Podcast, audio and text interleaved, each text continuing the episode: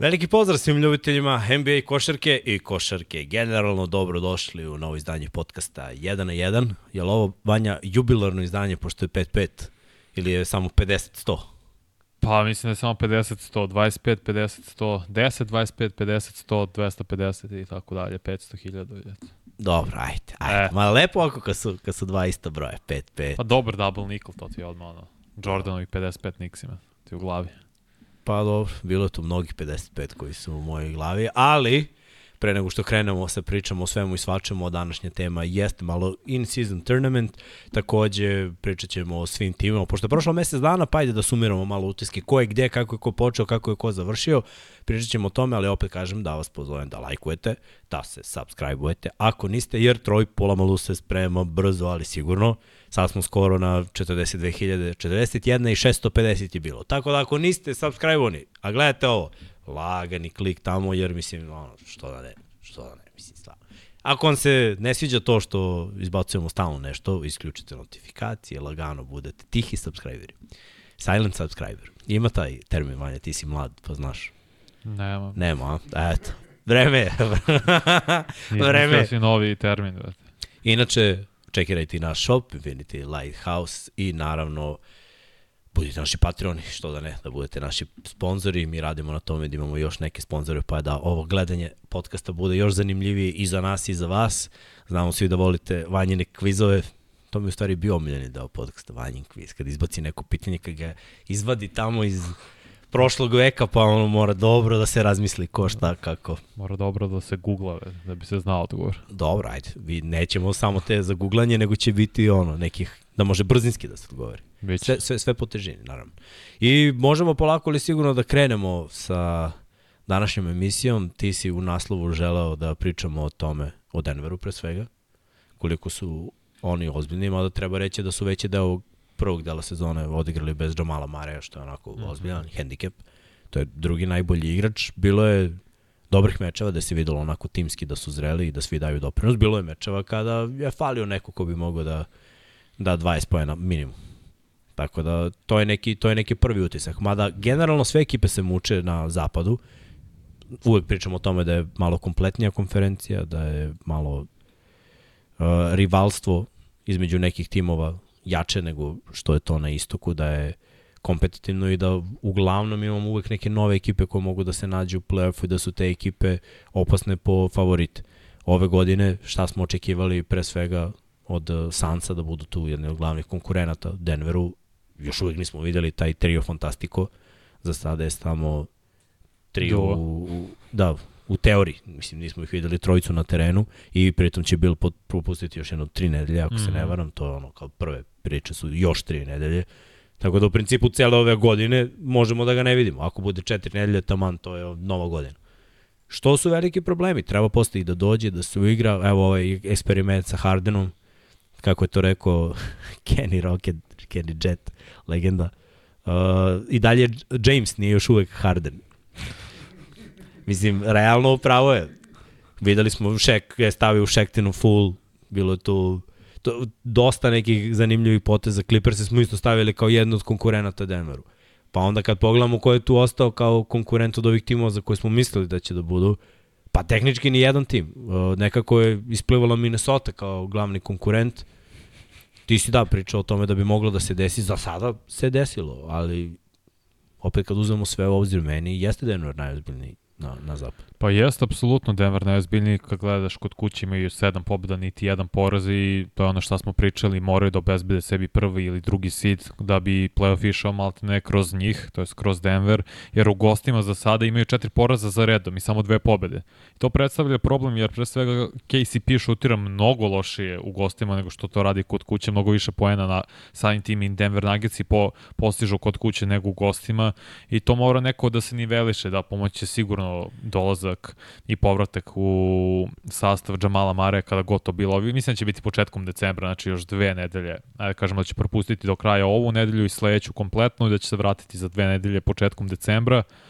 Ali ono što smo do sad videli od Denvera je veoma dobra igra. Sa samopouzdanjem igre, to je ono što sam pričao, sem one utakmice što Jokić bio izbačen i nije mi jasno zašto bi izbačen, iskreno da budem. Draymond Green konstantno priča sa sudijama i to traje i traje i traje. Jokić se okrenuo jer nije dobio jedan faul, nešto rekao i odmah je izbačen duplo tehnička, to je bez veze, da. to su neki dupli standardi koji ne treba postoje, jedan je Ni, sam MVP lige. bio izbačen i to je zanimljivo. Nije, ba kao da, i Melon je bio izbačen u prvoj četvrtini, čini mi se na toj utakmici, tako to neki dupli standardi koji mi se generalno NBA-u ne sviđaju, ali ne vrame da će to toliko uticati na sam Denver i mora malo klupa bolje opet da podigne njihovu igru. Igrali smo dobro na početku sezone i Strotter, Christian Brown imao skoro utakmicu 25 poena, što je čini mi se njegov rekord karijere ili je izjednačio rekord karijere, tako da se više očekuje njih i mislim da će biti tako čim se Mari bude vratio na, na teren. Moguće. Hoćemo malo... Hoće da krenemo... Pa ćemo malo samo, pošto je topik, ono, fresh, o Reci. in-season turniru. A, pošto već pa imamo neke krenuti, ekipe koje su, koje da, su da, da. eliminisane, pa možda, ja ne znam kako si mislio, da odvojimo to od sezone, da ubacimo to u sezonu. Ne, ili... iskreno nisam razmišljao o tome. Toliko mi je to van da, da. razmišljanje, van, da, van toka misli, taj in-season. S obzirom da se igralo ono, sinoć, da već imamo neke koji sigurno idu dalje, a neke koje sigurno ne idu dalje, možemo... Ajde, možemo par, o tome, pa ćemo proćemo posle po pa konferencijama. Pa ajde ovako, da krenemo od Lakersa koji su 4-0 mm -hmm. u tom in-season turniru i sigurno su obezbedili prolazak dalje i shvatili su to ozbiljno. Ovaj, znaš šta, zanimljivo mi je neke ekipe to stvarno shvate ozbiljno, neke ekipe ne baš. Mislim, dobro, Utah je imala povrede, nisu bili kompletni u sinoćnoj utakmici, zato je bio blowout. Ali realno gledano, Lakers su ovo shvatili, dali kao priliku, ok, da se spremimo, da uzmemo taj turnir, možda zbog para, možda zbog titule, možda zbog toga da budemo ono, pomenuti kao kontenderi, da može nešto da se uradi. Ali su oni shvatili to malo ozbiljnije. Uh, možda zato što su, da kažemo, glavne zvezde veterani, pa postoji to jako veteransko prisustvo u slačionici uz ove mlade igrače koji su prethodne godine prvi put stigli već do uspeha, jer finale zapada jeste uspeh.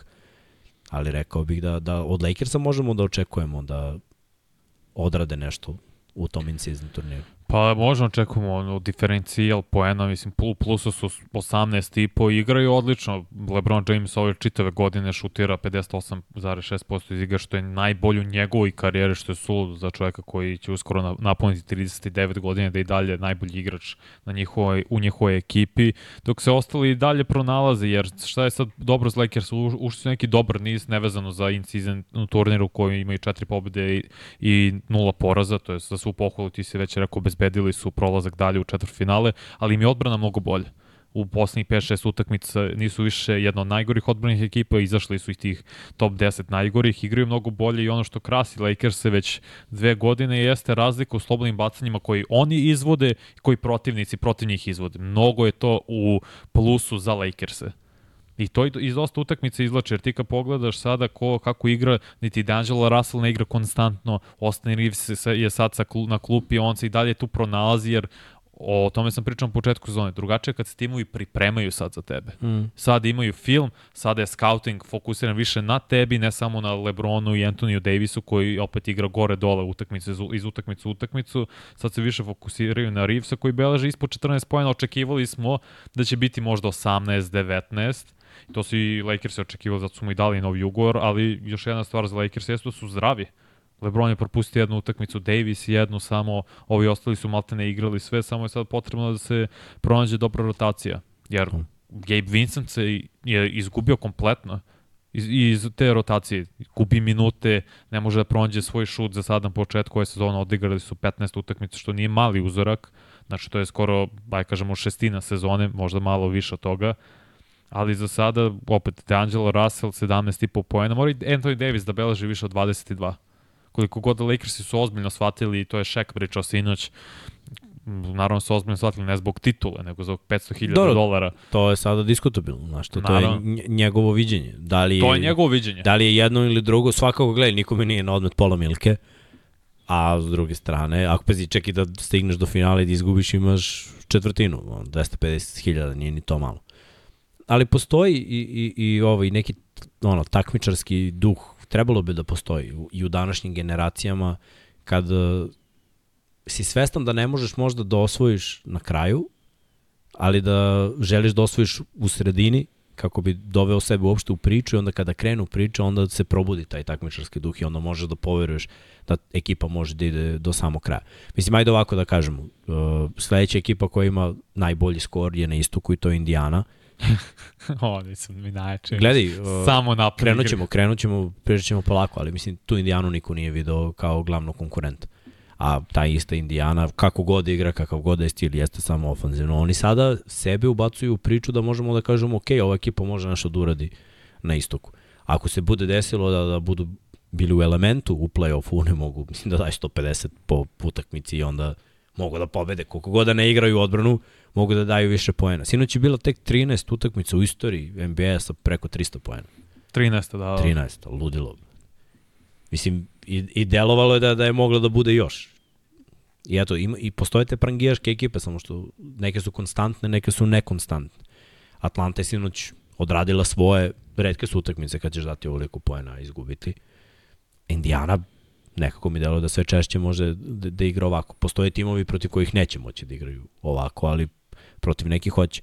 Uh, Jeste i... ajde malo, ajde malo njima, pošto uh -huh. ajde, rekli smo to in-season turnir, uh, treba reći da Atlanta sa skorom 1-2 nema čemu da se nada tu. Nema čemu da se nada, Pacersi su sada na, ovako ako nastave da igraju imaće ubedljivo najviše postignutih poena po utakmice u jednoj sezoni u istoriji NBA-a i najbolji ofanzivni rating ikada. I to je po, i sve pohvale za Rika Karolala koji se prilagodio svojim igračima i promenio malo svoju filozofiju kako vodi ekipu jer je shvatio da ima dosta mladih igrača koji vole da igraju brzo, eksplozivno, ne nužno sad da uzimaju veliki broj šuteva za 3 poena, ali toliko igraju brzo i na toliki broj poseda da se to malte ne niveliše sve. Mm. Burton je fenomenalan playmaker, uh, baš je Kenny pričao da podsjeća na Lamelo, da samo Lamelo ima onaj fazon kao ja ću baciti no A. look, ali mislim nije mi svidalo to poređenje, mislim da je Burton mnogo zbiljniji igrač nego što je Lamelo Ball. Ono što hoću da kažem da čovjek predvodi ligu asistencijama. Pravdi. Pa gledaj, 24 postoji, poena skoro. To postoji više razloga zašto je statistika takva. Rekao si već. Igraju bržim pejsom, igraju na više poseda i okrenuti su samo ofanzivnom delu, znaš, i onda ne troši se toliko u odbrani, zna da mora da razigrava mm -hmm. i radi posao. Pritom drugi igrači Indijane takođe iskaču u drugi plan, mislim, ili u prvi, zavisi kako i kad na kojoj utakmici. On diktira tempo, on je prvi igrač u poslednjih 40 godina da imao 25 poena, minimalno i 15 asistencija bez izgubljene opte. On je imao dve utakmice protiv File. Da, da, ne, to što su Filu, to što su Filu ovaj, dobili, to je baš bilo iznenađenja, pritom ajde malo da pričamo i o Fili, Fila je sinoć izgubila od Clevelanda.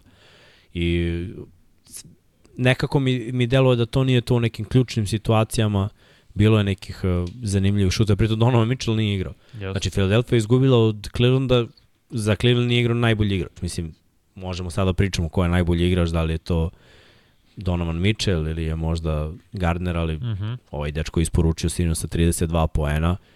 Svaka drugu noć kad je tu Donovan Mitchell, mislim da bi on uzeo većinu šuteva. Uh, jesu okrenuti, mislim da ni Lavert nije igrao. Mm, nisam siguran, iskreno. Sve u svemu, ajde da kažemo ovako ekipa koja je okrenuta bila više bekovskoj liniji, sinoć je rešila uz malu pomoći Alena, koji je imao preko 20 poena. Jer, pazi, kad nema toliko prangijanja s polja, vrlo verovatno da će neka lopta da završi u reketu. I to je bilo lepo. I to se malo videla mana File takođe.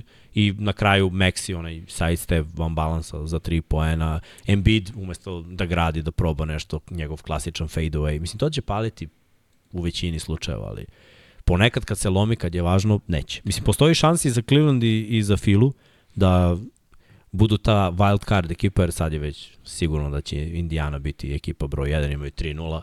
Mm -hmm. Ako Fila ili, ako Fila ispadne, na primjer, iz ovoga, oni imaju 2-2. Znači, Cleveland valjda igra protiv Atlante, ispravim ako grešim, mislim da je to matchup. Cleveland dobije ovo, imaju 3-1. Oni idu dalje kao wild card, mislim, bit će borba, ali, da. možda, ali opet su ispred File za wild card poziciju. Da, Koliko je to iznenađenje? Mi smo očekivali da će Fila ovo da reši rutinski.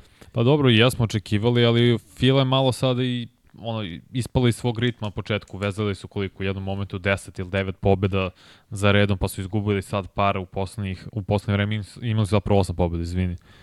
Ali ono za Kelly Ubre se i dalje vraća nakon ono saobraćajne nesreće koji je imao i glavna stvar za Filu jeste da moraju da nauče da pobeđuju kad, u neizvesnim utakmicama, jer sva ove utakmice četiri su gubili do sada, pričamo o čitavoj regularnoj sezoni, dve u in-season turniru, bilo je na 10 pojena ili manje.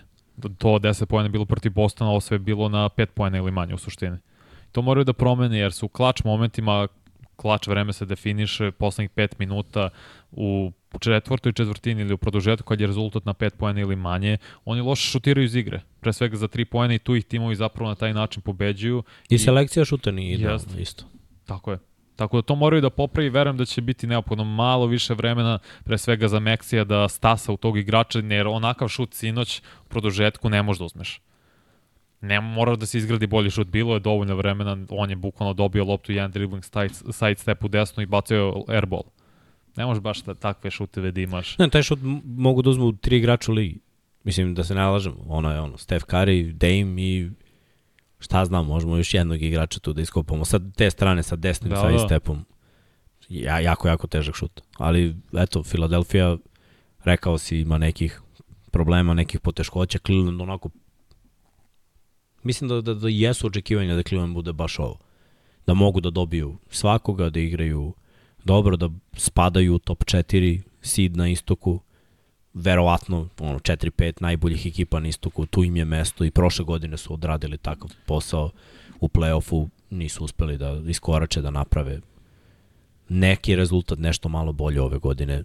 Vrlo verovatno da će moći, mislim, treba i njima malo iskustva. Dobro, ali Cleveland imali su i probleme s povredama i Mitchell je propustio nekoliko mm. utakmica i Garland takođe. Ali vidiš, nalaze, nalaze... Strus igra sjajno. Sad nalaze način. To očekivao i Strus njegovim kretanjem, e, šutiranjem za tri pojene je dosta odslučao potencijal ovog napada, jer im je falio taj peti igrač, jer Levert nije baš najbolji fit za ovu petorku kad pričamo o ovoj dvojci Mobley, Allen i Donald Mitchell i Garland a Strus jeste jer se konstantno kreće na, na terenu, straži sebi šut na taj način, ne mora previše lopta da bude kod njega u rukama, više catch and shoot igrač i sviđa mi se 2 na 2 igra njega i Moblija. Jako Mobley ove godine nije sad toliko napredao kao što sam mislio i dalje ofanzivno. Evo sad gledam, 14 utakmica su odigrali e, Cavaliersi, 4 je propustio Mitchell, 5 Garland, Levert je propustio 3, Jared Allen 5, Okoro 8 nisu bili zdravi. Sad polako ulaze u ritam i mislim da će biti ok, jer Mitchell beleži preko 29 poena ove sezone. Ajde od dve eliminisane ekipe, Detroit i Atlanta su završili svoje učeće malo u Atlanti. Uh -huh. uh, sinoć, pazi, redko se desi ovako da Trae Young ima preko 25 poena, da Dejounte Mare ima preko 25 poena, mislim da ima 26 ili 28. I Bogdan je imao Bogdan isto preko 20 poena, imao 10 od 15 iz igre sve to spojiš i, i na kraju izgubiš utakmicu jer ti protivnička ekipa da stvarno preveliki broj poena. I, i uh mhm. -huh. ova sezona za njih će verovatno biti u najboljem slučaju kao prošla. Ovi tim jednostavno nema to nešto za viši uspeh. Loše brane, to je loše, imali sada tri poraza za redom, ako računamo sinoć, i loše brane šut za tri poena. Protivnici u te tri utakmice šutiraju 4-6% iz igre ne možeš tako pobediš. Da ti pogode 50 i nešto trojki, stoji nešto pokušaja, izgubit ćeš, znači to je u proseku malte ne 17 trojki ti na, ne, na noćnom nivou primaš od protivnika. Ne možeš tako pobediš, evo vidjeli smo, vodili su sinoć 20 razlike. No. Pa dali su bre 90 poena za polovreme. Strašno, to je nevero. To je nerealno. To, to je evropska košarka za celu utakmicu. To je nerealno. A meni se ne sviđa takav NBA. Mislim, sve je Kome se sviđa takav NBA? Pa to je trening. To nije, yes. to nije košarka. Scrimmage, to ti to. Bez veze. Totalno baš, bez, baš je bez veze. Ne igra se odbranu uopšte. Tako da ono, Mislim, dalje završili se... su učešće i mene zanima da vidim zbog Bogdana najviše koliko ta ekipa nešto može, ali realno gledano da, da Bogdan nije u Hawksima ne bih gledao uopšte. Pa isti. Totalno nezanimljiva ekipa i iskreno ne znam kome više nervira, da li Trae Young ili uopšte ta njihova ono, zamisao kako mogu da igraju sa centra nemaju, kapela je znamo šta je. Može da skoči, da zakuca i, da igra malo odbranu u reketu i to je to.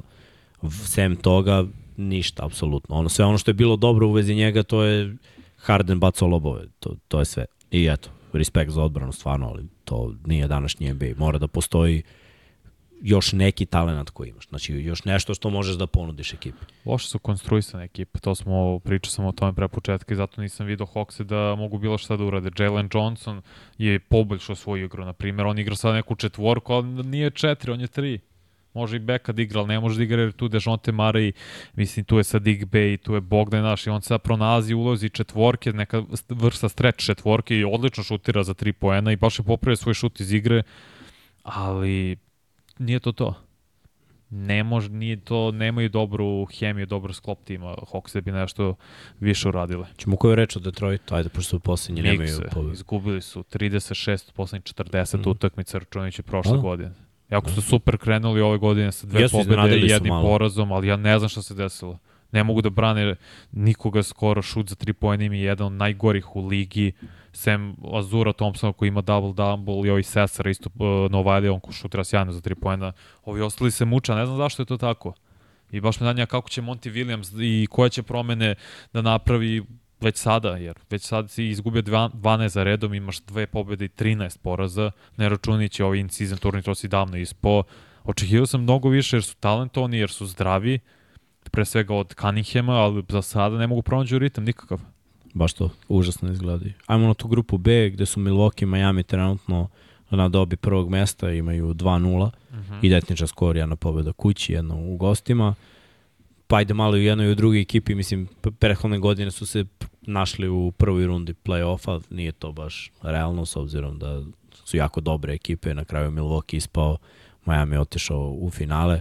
Ove godine, kako ti se čini, ajde krenemo od Milwaukee, pričali smo o tome, nije baš sve bilo sjajno na početku, nije se Lillard uklopio odmah, mislim što je normalno, ali kako prolazi vreme, oni pronalaze načine i dalje to nije savršeno, ali pronalaze način. I, I to je stvari pohvalno, to malo govori o njihovom karakteru. Bila je utakmica gde Janis nije igrao, gde je Lillard poveo ekipu i ja mislim da je ovo u stvari razlog uh, dovođenja Demena Lillarda.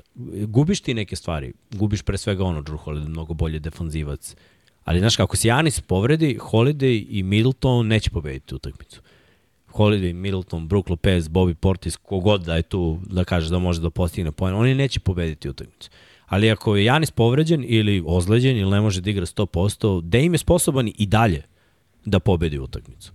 Sa pravim saigračima, u pravom sistemu, sa igračima koji će krpiti neke njegove, pre svega defanzivne zaostatke, mm -hmm. da im je sposoban da dovede ekipu do pobede.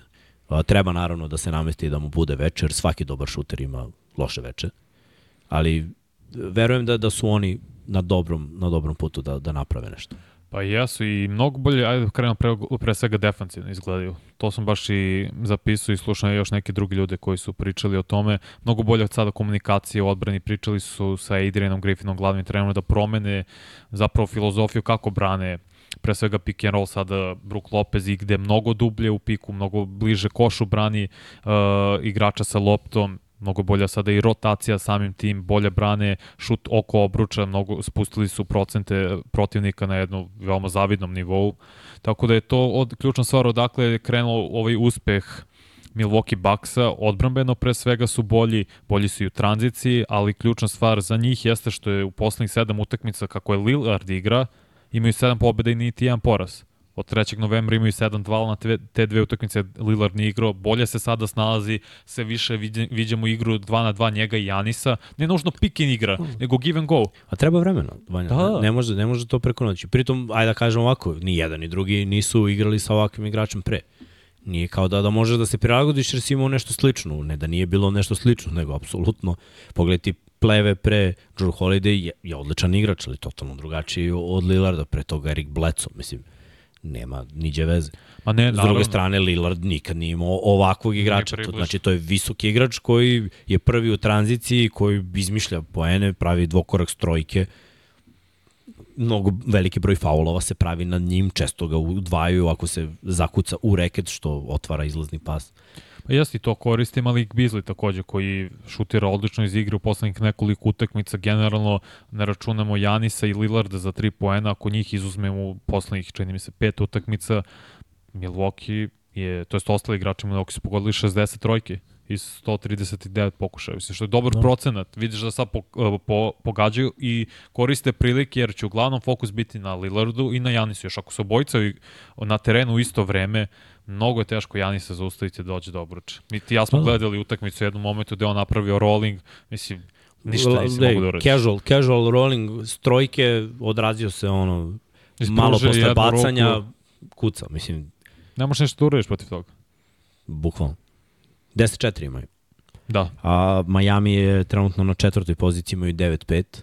Miami zapravo... 2-0 imaju Mhm. u in season Tako je. turniru. Igraju sve bolje od kad se povredio Tyler Hero. Ne kažem da je on bio razlog zašto su možda počeli sporo, ako on imao najbolje brojke u svojoj karijeri, ali dobili su 7 od 8 utakmica.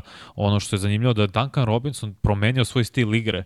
Mnogo više sad ima loptu u svojim rukama, pravi separaciju iz driblinga, ne nužno samo čekam, otvaram se, catch and shoot, ut, utrčavam, ono kao što smo videli protiv Krenulo Denvera. je prošle godine u, play-offu, ba, da, baš da, sa tim ali sada trčanjem svuda. mnogo više ima loptu u svojim rukama i, i pravi nešto s driblingom, što nismo očekivali od Duncan Robinsona, ja mislim nikada. Ne znam da li ćeš se složiti. Dobro, pa gledaj, postoje igrači, da, ni, on je delovao kao tipičan primjer šutera koji prangija iz izlazne kretnje ili iz Mhm. uručenja.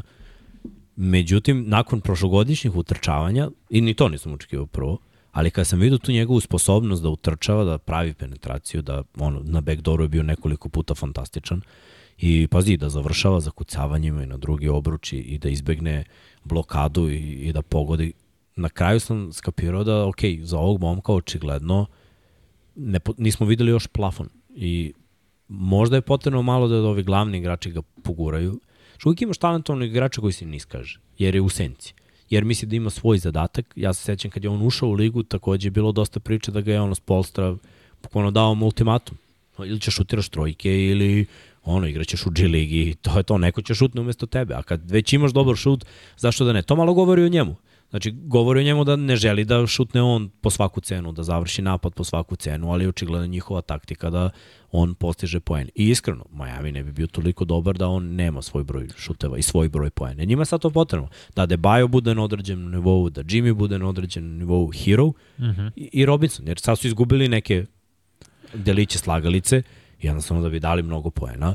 Igrači koji imaju neki talent moraju da se iskažu. Duncan Robinson ima talent, on je dečko, prvo je visok, dosta dug, jako dobro šutera trojke i videli smo ako može da postigne i dva poena i sa polu distance malo da, da pogodi kada se ukaže prilika ako može sam da kreira svoj šut, zašto to da ne iskoristi? I to i radi, beleži 20 poena u poslednjih šest utakmica i pronalaze ponovo za svakoga dobru ulogu, ulogu i za Highsmitha i za Richardsona, Kyle Lowry opet sa klupe više deluje na taj način kao šesti igrač, ali Hawkes mi se izuzetno sviđa ne, neko ko je, volim da koristim taj izraz često kada vidim, zna da igra košarku. Pronađe svoj šut, sve bolji iz catch and shoota, uh, zna gde treba da bude na terenu u određenim situacijama i odbrani nije toliko loš. On isprati igrača koliko može, igra dobro odbranu, ono što videli smo protiv Chicago Bullsa kad su izgubili za vikend. Bilo nekoliko puta da prosto ne možeš ništa da uradiš kada, ne znam, DeRozan ili kogod, kogod već, pardon, pogodi šut preko tebe. Ti si odradio svoj posao, ali mi se sviđa što Miami konstantno pravi uloge za te druge igrače. I to će biti važno za njih i žao mi je zato što je Jović ispao iz, iz rotacije takođe. Mm. Sad je u G ligi, ali Potpuno. on mora da shvati, on mora to iskoristiti da dominira tamo, jer na drugačiji način neće moći da se vrati u ekipu. A Adebayo je to za pohvalno, napokon agresijan, konstantno u napadu. Just. Najviše uzima šuteve u svojoj karijeri po meču i to je neophodno Majamiju da on bude fokus i vokalni igrač u napadu. Jeste. On može da iskoristi, mislim, protiv mnogih igrača. I malo je postoji bezobrazno, to je lepo videti. Treba, to, treba. je sportska drskost. Uh, ajde malo o ekipama koje su ispod. Mislim, meni dalo da će iz ove grupe Mm -hmm. dve ekipe proći. Da, ako se sve poklopi, da bi ta ekipa koja ide u Valkar trebalo da bude ili Miami ili Milwaukee, vidjet ćemo ovaj, šta će biti na kraju. Nixi su takođe u, u grupi B, Nixi imaju 1-1, u teoriji nije nemoguće, ali u praksi sa učinkom ovih drugih ekipa mislim da će biti jako teško. A, pritom da uzmemo Nixi ovako za, za sezonu učinak trenutno kako igraju, šta rade, realno gledano imamo mali, malo iznenađenje, iskreno, što se tiče efikasnosti igrača, ali opet imamo i neke padove koje koji su možda i bili očekivani. Mislim, pričali smo, pričali smo o tome. Nakon svetskog prvenstva, da li nam je bilo očekivanje da ovako bude hijerarhija najboljih strelaca? Da i ne, ali ono što Nixi sada rade odlično jesu da su najbolja skakačka ekipa u NBA. Pre svega ofanzivno, ono što radi Mitchell Robinson što ima šest skokova ofanzivnih po meču, to je suludo to njih se dosta izlači koji Nixi nisu dobra šuterska ekipa generalno i ne igraju nešto pretredno brzo, oni te izmaraju, igraju jako odbranu. Oni imaju svoj identitet plus ne gube puno lopti. A sad evo sad čitam Rob... Sad su osmi, trenutno, na, generalno. Kada, da, da, kada pogledamo. Ući će oni svoj ritam. Imaju, imaju skoro 8-6.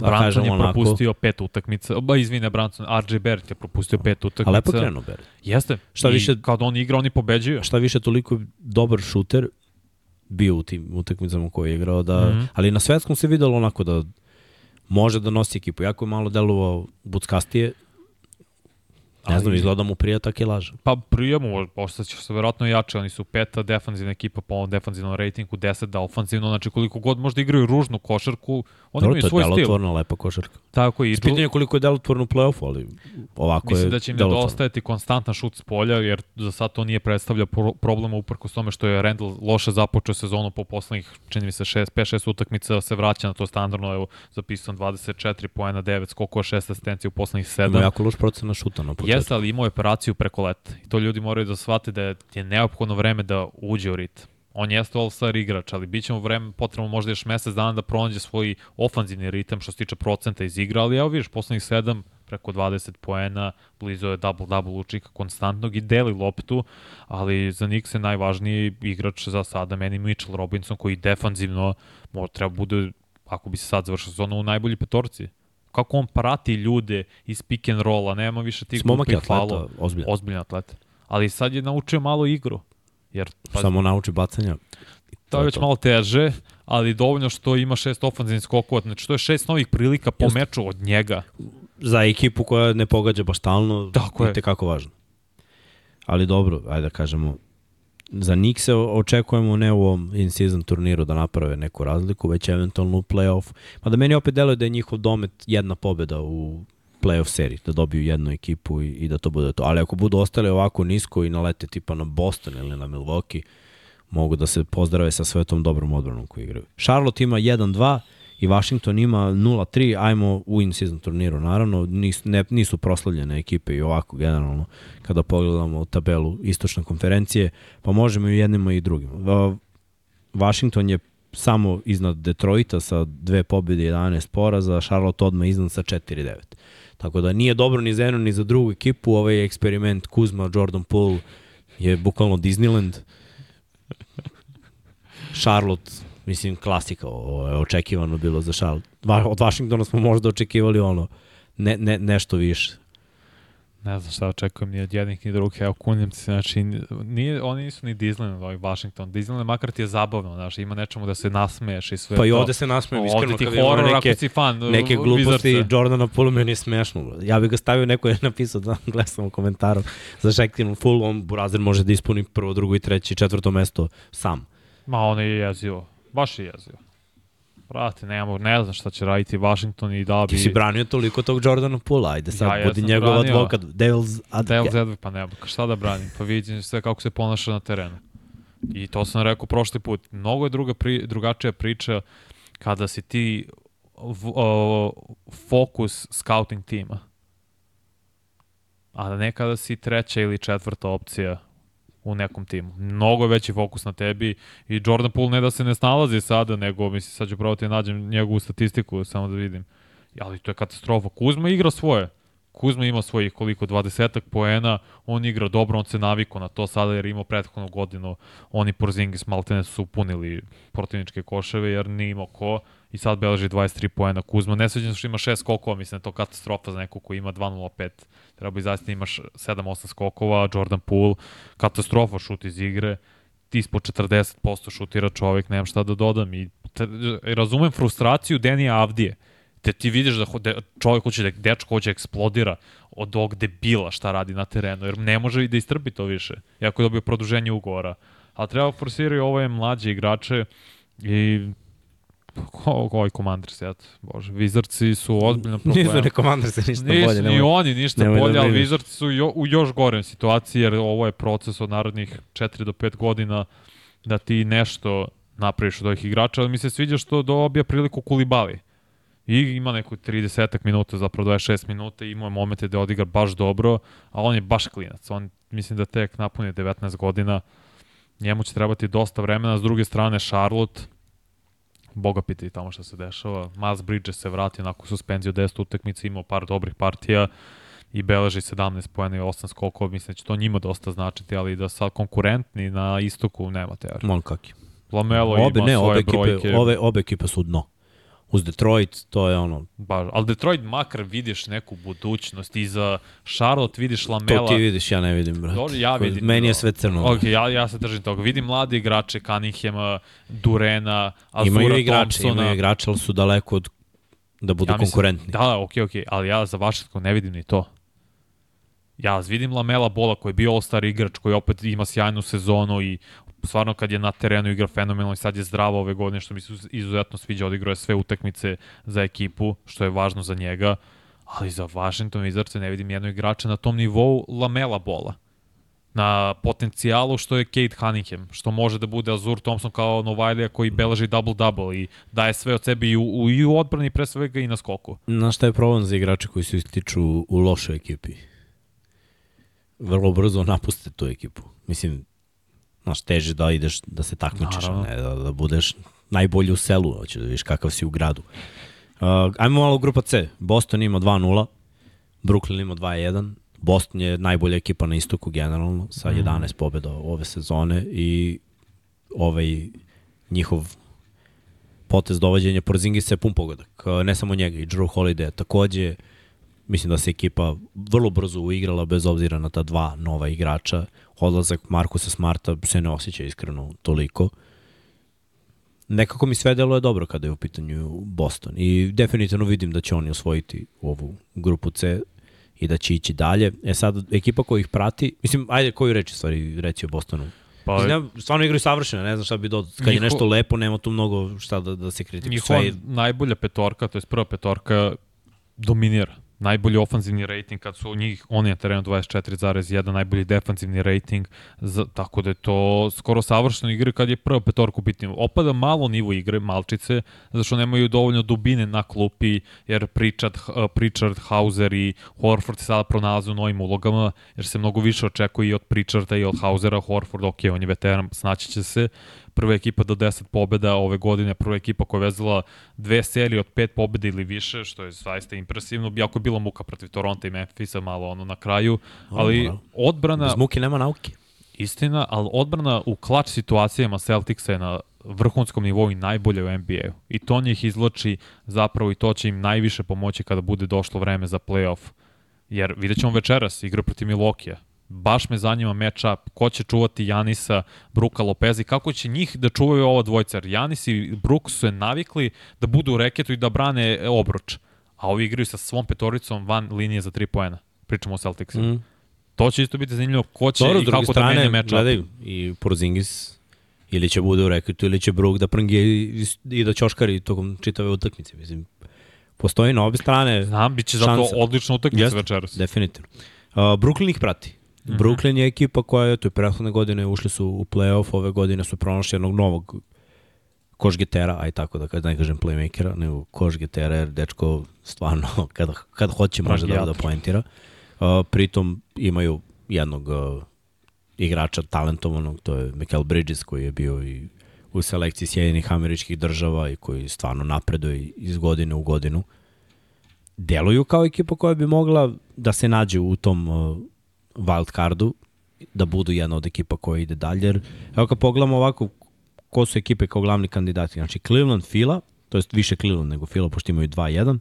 Uh, Miami, koji ima 2-0 bi mogao da bude ekipa, Brooklyn ima 2-1, Orlando ima 2-1, ali iskreno mislim da, je, da će ovo biti preveliki zalogaj za, za Orlando. Pa dobro, Orlando igra bolje od Brooklyna ove godine, kad nevezano za ovaj in Turnir, season, da, da, turnir. Orlando je, tipa, pričali smo o tome, ja volim ovaj, njihov mladi sastav, braću Wagnere, Bankero takođe je tu ka, kao jedan od mladih igrača i pričali smo o tome da bi oni mogli da budu ono, nova Oklahoma samo na istoku. Pa jeste, Samo što ne igraju toliko brzom pejsu jer ipak nemaju, imaju malo više evropskih igrača za, za taj brži pace. Dobro, ali Brooklyn imao malo teži raspored, jedan od najtežih zapravo na početku ove sezone i zato se tu sada pronalaze i oni malo lošije brane šut za 3 poena, protivnički šut za 3 poena, to moraju da se popravi jer odlično brane reket, ali ovaj tim kada pogledamo je poprilično opet navikava se na navikavaju se na sami sebe.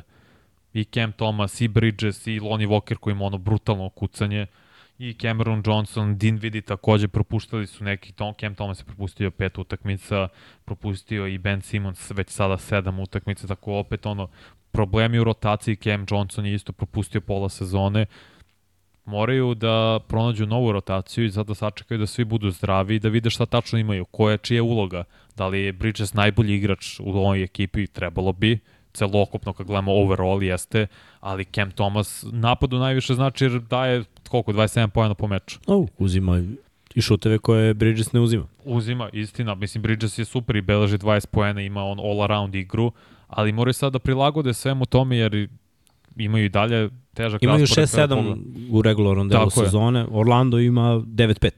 Sad imaju malo slabiji, kad pričamo o, o Brooklynu i gostuju Atlanti, čini mi se večeras, onda Miami za nekoliko dana, pa Chicago, pa Toronto. Ti moraš da dobiješ tri od tih četiri utakmice. Da, trenutno imaju niz od dva poraza, Da, Orlando ima četiri pobede u nizu. Tako da Orlando igra sjajno. Malo su, malo su u boljem. Orlando ima jednu najboljih odbrana u NBA. Peti su trenutno u, u, na istočnoj konferenciji. Deluje da bi mogli da se nađu na kraju u, u play-off. Mislim da smo prognozirali i ti i ja da, da će oni biti na kraju u play-offu. Da, da. Zanimljivo su, baš su zanimljiva ekipa. Pa mladi su, ali više nisu oni toliko ludi, brzi kao Oklahoma. Nisu, ni Zato što igraju odbranu. No, Oni su po defanzivnom ratingu druga ekipa u, NBA-u. ima, ima i toga. Ima i toga što igraju odbranu, ali ima i toga što znaju da, ono, mislim, žargonski rečeno, stanu na loptu malo. Pa i zato Ne mora, imaju, ne mora da se reši u prve tri sekunde napad. Zato što imaju takve igrače koji im dozvoljavaju to. A što Oklahoma nije imala prethodne godine, Orlando apsolutno ima kao što je Ingles, na primer. U reketu, recimo, imaju najbolji diferenci, diferencijal po broju postignutih pojena i primljenih. 9 je razlika, znači brane svoj reket, a postižu veliki broj poena u reketu pre svega, jer imaju ogromne igrače i Bankero i Wagner, oni su za svojim pozicijama izuzetno Visoki, visoki. da. Više malo od proseka pozicije. Tako je. I takođe se pronalaze sada ovi spoljni igrači, da li će to biti Sags, oni su isto u priči da traduju za Zeka Lavina, bilo bi zanimljivo sad mm. ako već su ušli u dobar ritam. Ništa se nije desilo, eto i to da kažem, u, u nedelju dana. Naše Da, da, priče da je Lavin zatražio trade, niko nije. Mislim da će tek ono posle nove godine to da se zahukta. Mm. Da vide zapravo sve ekipe na ko, šta, tre, šta jure ove sezone. Orlando ovako, ako ovako nastavi, treba apsolutno da pozove. Tako je još 20 poena, mislim. Fenomenal, Nije na minimalno odmet. 20 poena. Jer za sada mi je najveći problem njihova bek, bekovska linija, koliki oni potencijal zapravo ima i Cole Anthony, i Jalen Suggs, i Markel Fultz takođe. Dobro, Fultz radi neke druge stvari.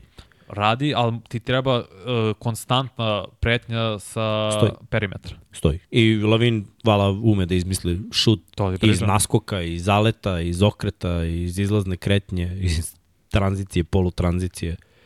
Baš je poboljšao svoj šut za 3 poena. Ti voliš starijeg Wagnera, doprinosi. Ne, ali on je dobar timski igrač. Nije Jeste, on, ne, ne, pa ja, ja kažem nikad ništa. njega nisam stavio kao naš kao wow, on sad ono, Ne, ne, znam da raznese ti mozak. Ali, brate, to je ono pčela radilica ekipe.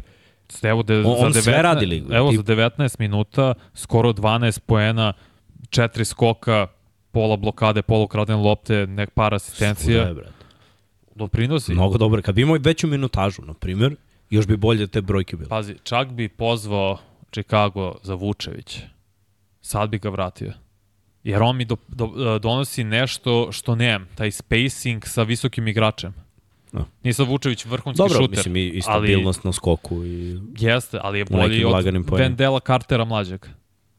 No, dobro, sve je pitanje kolike su ti ambicije, ali ako ostanu na broj 5, svašta je moguće. Malo iznenađenje što su ovaj toliko visoko plasirani, ali mislim, ne lažu partije, igraju Mislim, toliko ko kaže. je. Chicago ima 0-2, aj kad smo već pomenuli Mhm, tog Lavina, Toronto ima takođe 0-2 u in-season turniru, Toronto ove godine, onako vidi se da, da, da je Opala i malo igra. rebuild u pitanju, Chicago vidi se da je vreme za promene. Mislim, Chicago ima 5-10, Toronto ima 6-8. Kad je promena trenera i kad je promena filozofije, obično to može da bude ono dobro, loše, dobro, loše, roller coaster. U principu, za Chicago nema roller coastera, to je ono loše sa po nekim iznenađenjem dobrog. Zato verovatno i žele da rasparčaju ovaj tim, da izvuku šta je moguće da krenu u neku novu priču, okrenu neki novi list. A dobro, za Chicago menjać sve. I trenera i ključne igrače, to samo čekamo moment kada će sve da se raspadne, ali za, ono, zanimljivo i malo je razočaravajuće što je se Toronto poslednjih, ne, da kažemo, desetak dana, dve nedelje raspao s igrom, izgubili su četiri od poslednjih šest utakmica i vidi se da sada je pitanje šta oni traže od svojih igrača, to je koji je plan i ideja Rajakovića za ovu godinu. Da, razvijenje Scottija Barnesa je očigledno prioritet broj 1, tako mm. se i ponašaju, tako i igraju, što mi se izuzetno sviđa. Ali šta ćemo sa ostalim igračima? Da li će oni tradovati Sijakamo, Anunobije, ako ono ne budu ušli u neku ozbiljniju priču za playoff, za sada nisu, šest pobjeda, osam poraza, trudi se Šuder, igra dobro, ali su Raptors imali sinoć, čini mi se, 23 izgubljene lopte. I bit će neophodno njima još mesec dana sa novim trenerom, novom filozofijom, da se naviknu prosto na novi sistem ništa to ovo nije uh, čudno ili možda neočekivano za njih. Prošli smo istok. Fenomenalno. Efikasno. Možemo, da, da, možemo malo na zapad. Pa ajde od, uh, mislim, rekli smo, Lakersi su najbolja ekipa trenutno u in-season turniru, mm -hmm. pa možemo dalje. Nećemo na Denver. Ajde, pošto si Denver. Hoćeš po grupama? Pa možemo i po grupama, Ajde, po grupama ali možemo i Denver da stavimo ono, prvi plan. Preko veza malo. Znači smo da jedan dobro pričali na početku. Pa jesmo, ali nismo toliko in season turniru. A, pa dobro. Šta te tačno za njim? Šalim se, možemo. Pa ajde ovako. Kada pogledamo njihovu situaciju, oni imaju 2-1 koliko imaju Pelicansi koji su ispred njih. Trenutno. Čini se da su ih pobedili u in-season turniru yes. Pelicansi, da, da. Mislim, gledaj, ti Pelicansi jesu neugodni. Ti si pričao o tome ako su zdravi da su opasni jesu opasni kad su zdravi, stoji. Mm. Trenutno imaju 2-1, Denver ima 2-1 i u ovoj grupi C Minnesota i Sacramento imaju 2-0, tako da ako se desi da Denver ne bude prvi, taj wild card biće par zanimljiv. Ne verujem nešto toliko u Phoenix, ali eto i oni bi mogli nešto da urade, više verujem u, u Minnesota, Sacramento. Dobro. I zanimljivo mi je da, da vidim raspad. Na zapadu mi je malo zanimljiviji ovaj in-season turnir. Iskreno. Pa, za Denver je ključna utakmica onda sledeća protiv Houstona, čini mi se da to u petak. Inače, yes. izgubili su na, dobili su naravno dve kod kuće, izgubili su u gostima i zato pričam ukoliko je važno za Denver da, da budu I ta će biti u gostima večeras igra protiv Orlanda, ali to je sad manje važno, to je u gostima, ali protiv Houstona u gostima vezano za taj turnir Denver je prošle godine imao 19 pobjeda i 22 poraza u gostima, znači bili su ispod proseka. Mm. To mhm. moraju da promene. Ne želim da, bud, da se desi situacija kao sa Golden State Warriorsima godinu dana nakon titule da u gostima ne mogu da se sastave. Mislim da je to stvar hemije, da se to neće desiti Denveru, ali da moraju da igraju bolje i da Jokić bude uh, svesni toga da nema sada Mareja, pa da, mislim, nije opet on kriv što je dobio dve tehničke, to je stvarno dupli standard, o tome se na početku podcasta, ali da bude opet inteligentniji, da bude svestan, možda će mi dati opet tehničku, nema potrebe, nastavljamo sa tom partijom ako su pobedili tu utakmicu, ali bit će zanimljivo protiv Houstona koji je ušao neki dobar ritam, pa sad izgubio opet vezao nekoliko poraza. Ajde ovako, uh mhm. -huh. kod kuće, Houston 6-1. To ti pričam. Denver kod kuće 7-0, brate. Kakvi doktori. Houston, Živeo čast. Denver. Da, da, ali svaka čast... Uh, Pazi, Minnesota kida kod ljudi, 6-0 imaju. 7-0. 6-0. 6? 6 10-3 imaju, generalno. Mhm. Uh -huh. ovaj, kad pogledamo te nizove, 9-1 ima. Minnesota koji je prvi seed trenutno na prvom mestu su na zapadu, a Denver je drugo mesto, ali posljednjih 10 utakmica 6-4. Ali opet ja kažem, bilo bi sve drugačije da igra Jamal, ovako se ekipa onako ponekad i malo traži, Bilo je par poraza koji su onako bili s većom razlikom od meni očekivane. Boston, Minnesota i Denver jedine ekipe neporažene kod kuće do sada. Da. To su ekipe koje očigledno žele da playoff ide kroz njihove gradove. I trebalo bi to da bude cilj jednih i drugih.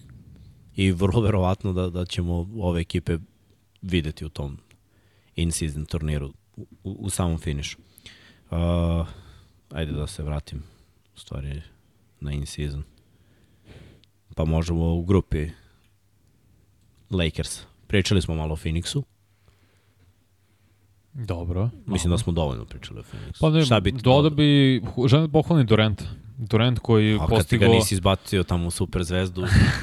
Pričat jako su- posle Jako ne- su moji nagovori bili jaki da Durant mora da bude super zvezda, Vanja je rekao prošlo je njegovo vreme. I dalje mislim da je prošlo, pričat ćemo o tome sledeće Brate, nedelje, lik proći i ćemo dalje opet kida. listu. Ne kida, postigo je 35 pojena na 5 od 13 utakmica, koji igra, igra sve utakmice.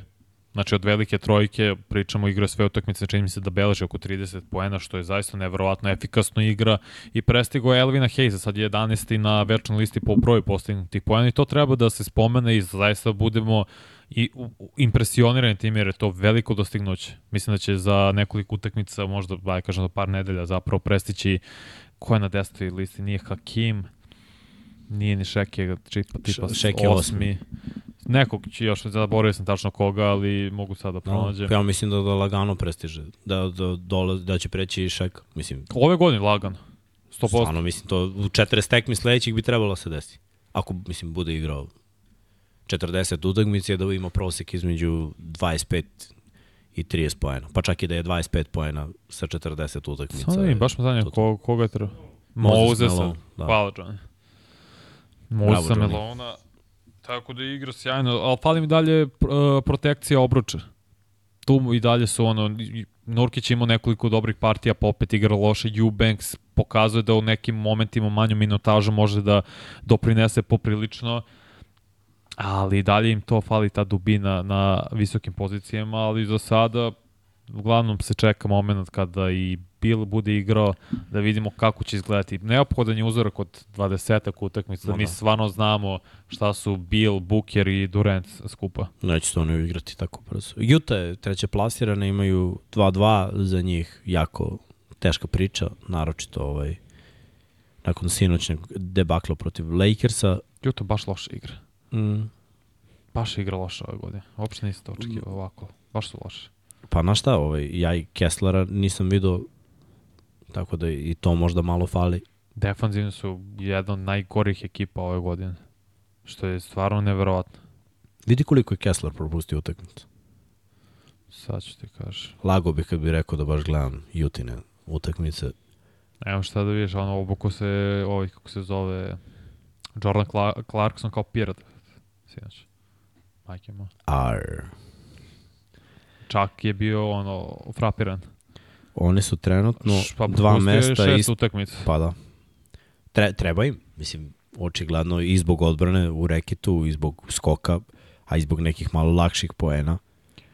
Pa jest, ali čudno je to sklopljena ekipa. Ti vidiš i Clarkson je sada starter. gledaj, Markanen je imao sinoć taj nezahvalni zadatak da, da igra peticu i Mm. ne igra on odbranu na tom nivou. Niti ja mislim da, da je on sposoban da igra u, u nekim momentima, u bilo, bilo kom momentu peticu. Često su ga izvlačili na piku pa ga lobuju dole kasni, spu, i, iza leđa mu dolaze. Bilo je tih nekih situacija, pa je bilo nekih Ono Lebron kad je napravio fintu iz levog kornera pa je krenuo na kucanje, brate, svi gledaju, niko, znaš ono, okej, okay, ne želiš da budeš na posteru, razumem. A brate, on je krenuo od trojke do koša, je brže stigao nego, na primjer, Collins, bio je 3 metra od koša. Uopšte nije teo da izađe na taj šut, on proba da izblokira, oteža polaganje. Ne znam. To malo govori o zalaganju i takođe, i Collins je imao naravno situacije gde je trebao da igra pet, Collins nije pet, mislim. A nije, ali evo startuju sada sa Agbađijem i sa Keontajem Georgeom u startnim petorkama u poslednjih nekoliko utakmica i to ne izgleda dobro. Protivnici postižu više poena kad su njih dvojica u igri, ako i George igra dobro, ali to je niska sad petorka i ču, opet. Jordan Clarkson, njih dvojica, John Collins i Markane. To je izuzetno čudno konstruisana startna petorka u današnjem, mm. u kom god NBA, ne samo današnjem. Jer No, ti... Da, Imaju 4-10, mislim, ajde da ne dužimo o Juti mnogo. Mm. Imamo, imamo ovaj, i drugi timove. Ali eto, da kažemo da mene su razočarali dosta. Očekivao sam nakon prethodne godine kada su bili za malo u play-offu pa su odustali na kraju. Očekivao sam da će nešto bolje da krene, ali ne da nije krenulo, nego je ovo užas. Portland uh, ima 1-3, Memphis ima 0-3 u in-season turniru i ne cvetaju ruže ni ovako generalno kad pogledamo zapadnu konferenciju, tako da možemo i po koju reč Portland je najgore ekipa, imaju 3-11, toliko imaju i Spursi. Neverovatno mi da Memphis nema... Memphis ima 3-10, mislim, ajde, za malo su bolji. A dobro to što ima 3-10, nego nemaju ni jednu pobedu kod kuće, to mi je neverovatno ove godine. 0-6 imaju. Ma dobro, nisu ni ovi bolji. 1-7 imaju San Antonio, 1-5 ima Portland. Ne, mislim, i Portland je poslao Skuta Hendersona u, u G ligu, što je on počegledan problem. Nije se snašao za sada u NBA-u, to mora da bi se oni nad, to jest oni se nadaju to da će to popraviti situaciju. Misliš da je košarkaški problem ili ne, ne samo da problem pristupa? Pa brzine NBA, mislim da samo previše želi i izgubi se u samoj utakmici. Uopšte mislim da fizički može da igra već sada, ima telo za NBA, samo mislim da mu je pristup čudan, to se upravo. Ne čudan, nego nije uhvatio, nema najbolja rešenja i ne donosi najbolja rešenja na, mm. na terenu. To je problem za Skuta Hendersona. Možda Previše malo... mu je brza igra sada. Da, da. Možda malo više filma, možda malo... Jer talent je tu. Taktičkog usavršavanja, ne, ne samo izađe na teren i osloni se na atletske predispozicije. Mislim, da. ne ide to uvek. Mora neka malo i da učiš. Mislim i u košarci. Film je mama. Uh, ajmo, ajmo na ovu sledeću. Kad smo već, mislim da je baš Denver i New Orleans, ajmo malo Pelicansima. Imaju 2-1. Uh, u nekim utakmicama baš iznenađujuće dobro igraju. I opet ti si rekao, ako svi budu bili zdravi, mogu da budu opasna ekipa. Uh, ti vidiš na momente da oni imaju dobra rešenja. Sad, kad pogledamo njihov plasman, trenutno osmi su imaju 7-7, govori malo o tome da moraju su igraju. Mislim, nekad to deluje dobro, nekad to baš deluje bez ideje. Rekao si da je Ingram tu kao opcija broj 1 i da se prošli put i da se Zajen uh mhm. -huh. ne, ne može se pomeri sa tom odlukom da on je opcija broj 1, ali ekipa se mislim već uigrala sa Ingramom kao prvim igračem i sad dolazi tu Zajen koji ono dođe pa ode, dođe pa ode.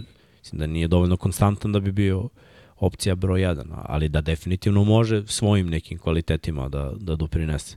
Da, Zajan je napokon pogodio trojku u subotu, tako da i to pomaže ekipi, ali šalim se, ali na šalnom stranu promenili su startnu petorku, sad su to Dyson Daniels, Herb Jones, Brandon Igran, Zajan i Jonas Palančionis i dobili su tri zredom od kad, su, kad je ova startna petorka u pitanju. Pomaže što šutiraju bolesno dobro iz igra i zato im je ofensivni rating 147, što je nečuveno ali sinoć čini mi se da su imali 33 asistencije, što je dosta to je mnogo asistencija za, jedan, za jednu ekipu na jednoj utakmici. To pomaže kretnja konstantno, pronalaze sada neku, neki drugi identitet ofanzivno i samo moraju da budu zdravi. 7 pobjeda, 7 poraza nije ništa wow, mada kad gledamo ostale ekipe na zapadu koje se i da, dalje pronalaze. Pa da gledamo ekipe koje su blizu njih. Mm -hmm. Mislim, uh, Lakers imaju 9-6, nije mnogo bolje.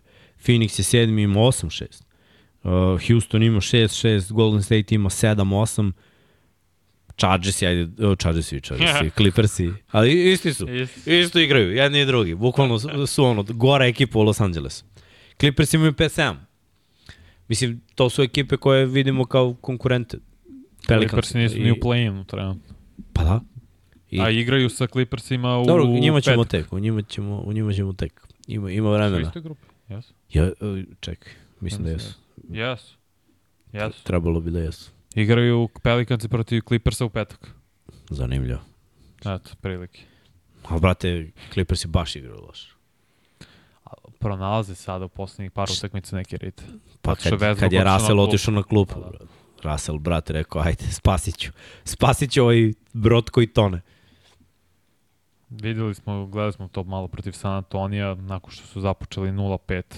Ono, pobedili su sa Hardenom, vezali par pobeda i bit će baš potrebno vremena i, i njima. Oni su on jedna ekipa kao što je Phoenix i tako dalje. Ali oni ne idu dalje u in-season turniru, imaju 1-2, da, eliminisani su, Dallas ima 1-2, mm -hmm. takođe, tako da ništa ni, ni od njih. Rekli smo Denver ima 2-1, koliko New Orleans, Houston ima 1-1, mada kažemo u takvoj su ovaj, situaciji da za in-season teško, a za sezonu bravo, mislim, ne, ne znam šta drugo da kažem, osim, osim bravo. Imaju 6-6 na devetom su mestu, makli su se sa dna, Vidi se neki boljitak, ali se vidi ovaj, neiskustvo. Dobro, vidi se napredak Šenguna pre svega. Mm.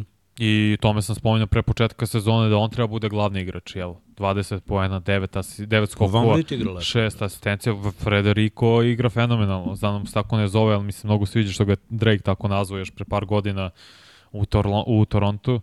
Pa će se držati toga. Igraju dobru košarku, kvalitetno ono što traži dok odbrana. Jalen Green se i dalje pronalazi, mnogo loše šutira iz igra ispod 40% za sezonu.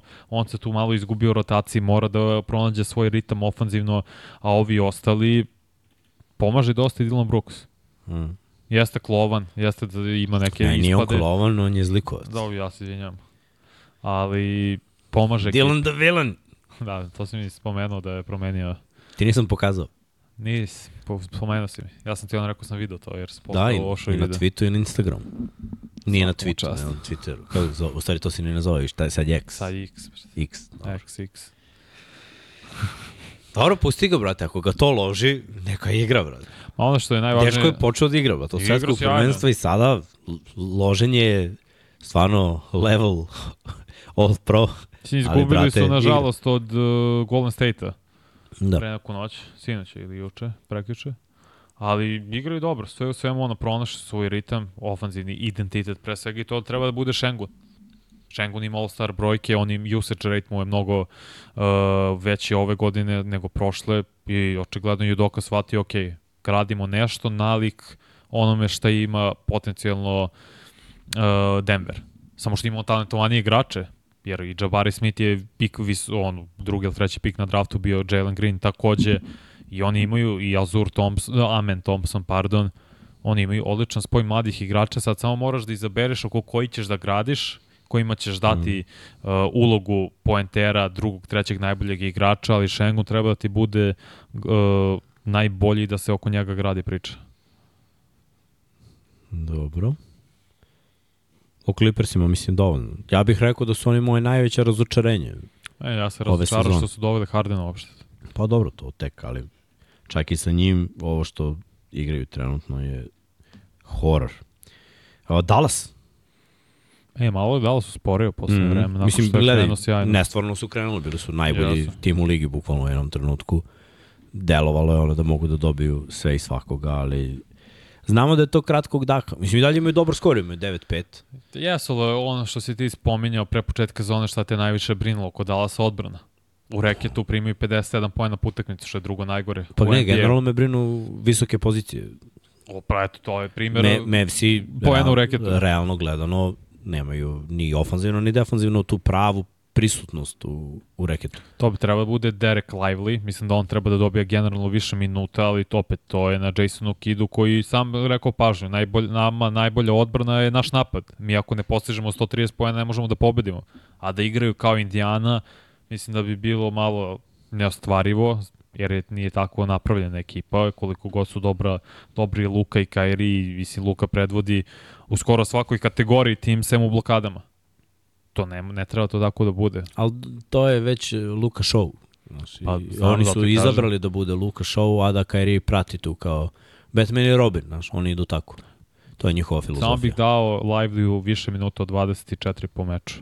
Gledao bi da to bude 30 da vidim šta može da učini, jer za ovu, ovu kratku minutažu 9 poena skoro uh, 8 skokova, 7,5 zapravo, no, pokazuje da ima taj potencijal mm. da bude prisustvo u reketu. Treba im to, slažem se. U potpunosti. Inače, 5-5 imaju posljednjih 10. A dva poraza su, su Mhm. veza Mavsi, tako da to, to, Mavs. to nikako nije dobro. S druge strane, Cowboys im igraju jako dobro. O, Cowboys maltretiraju slabe ekipe.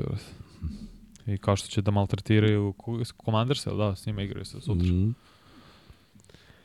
Pa kao. Ako nemate šta da radite, Thanksgiving, dan zahvalnosti u Americi, tri utakmice američkog futbola, a onda u petak ide NBA, jel tako? Se najdete dobro, gledate NFL i onda sutra dok se vari, Da, ne. gledate NBA. Pa i NFL ima, Ima jednu utakmicu da, i, i NFL.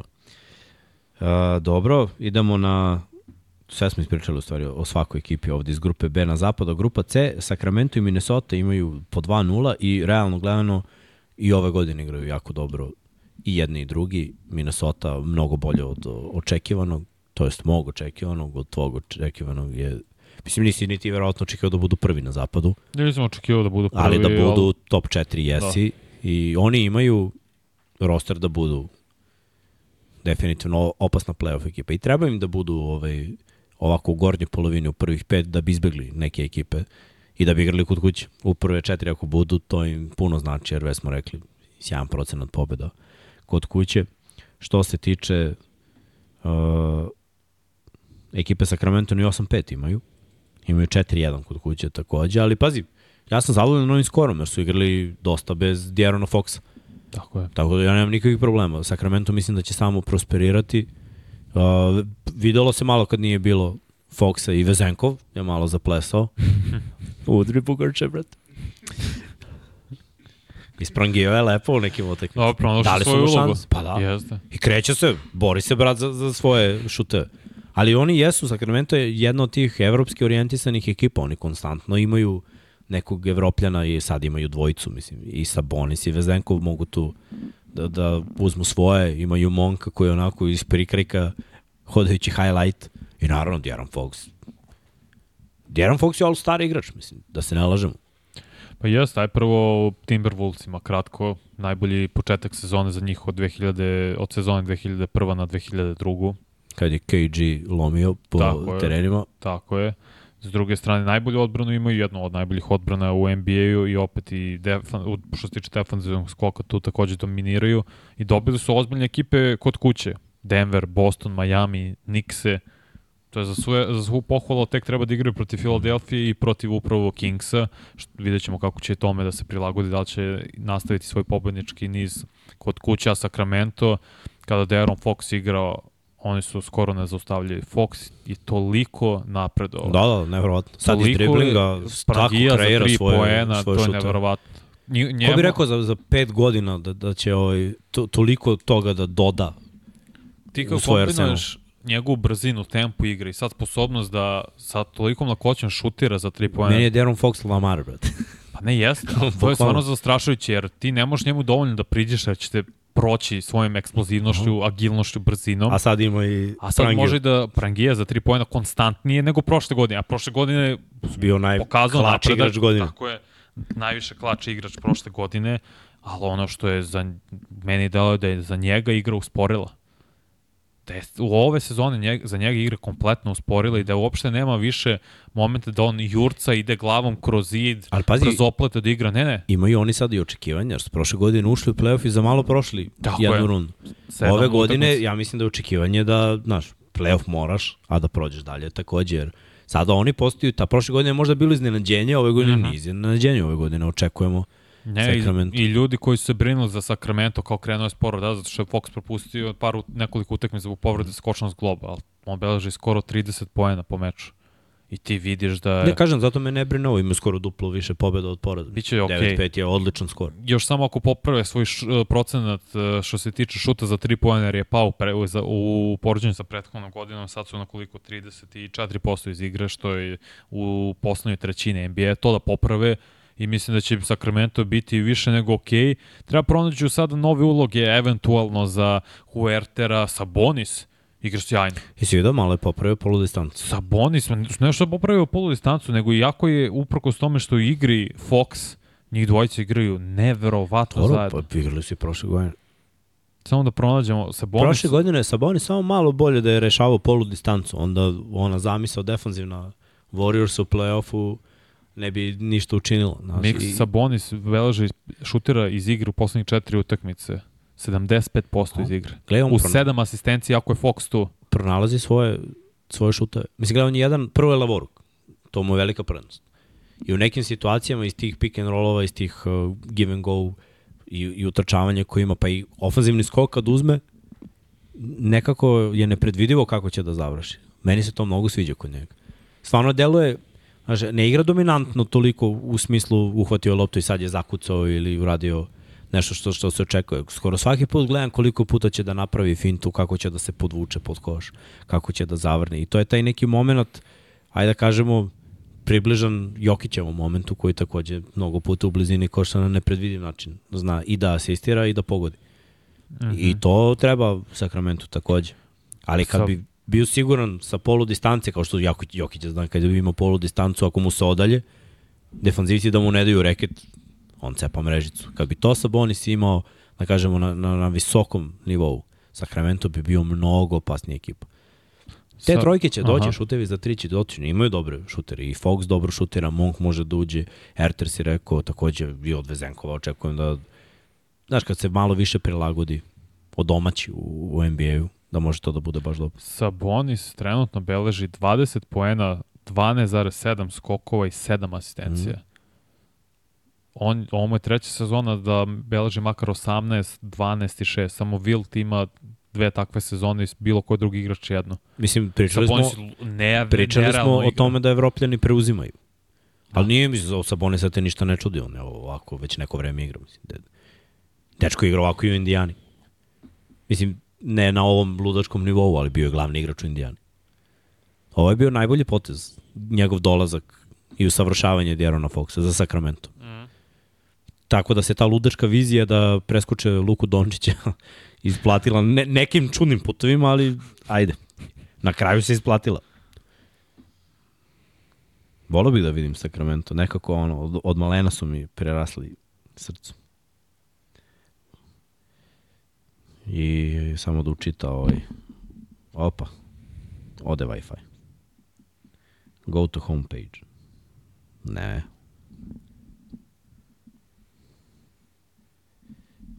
o kome nismo pričali, trebalo bi Golden State, Oklahoma i Spurs. Oklahoma. Ajde.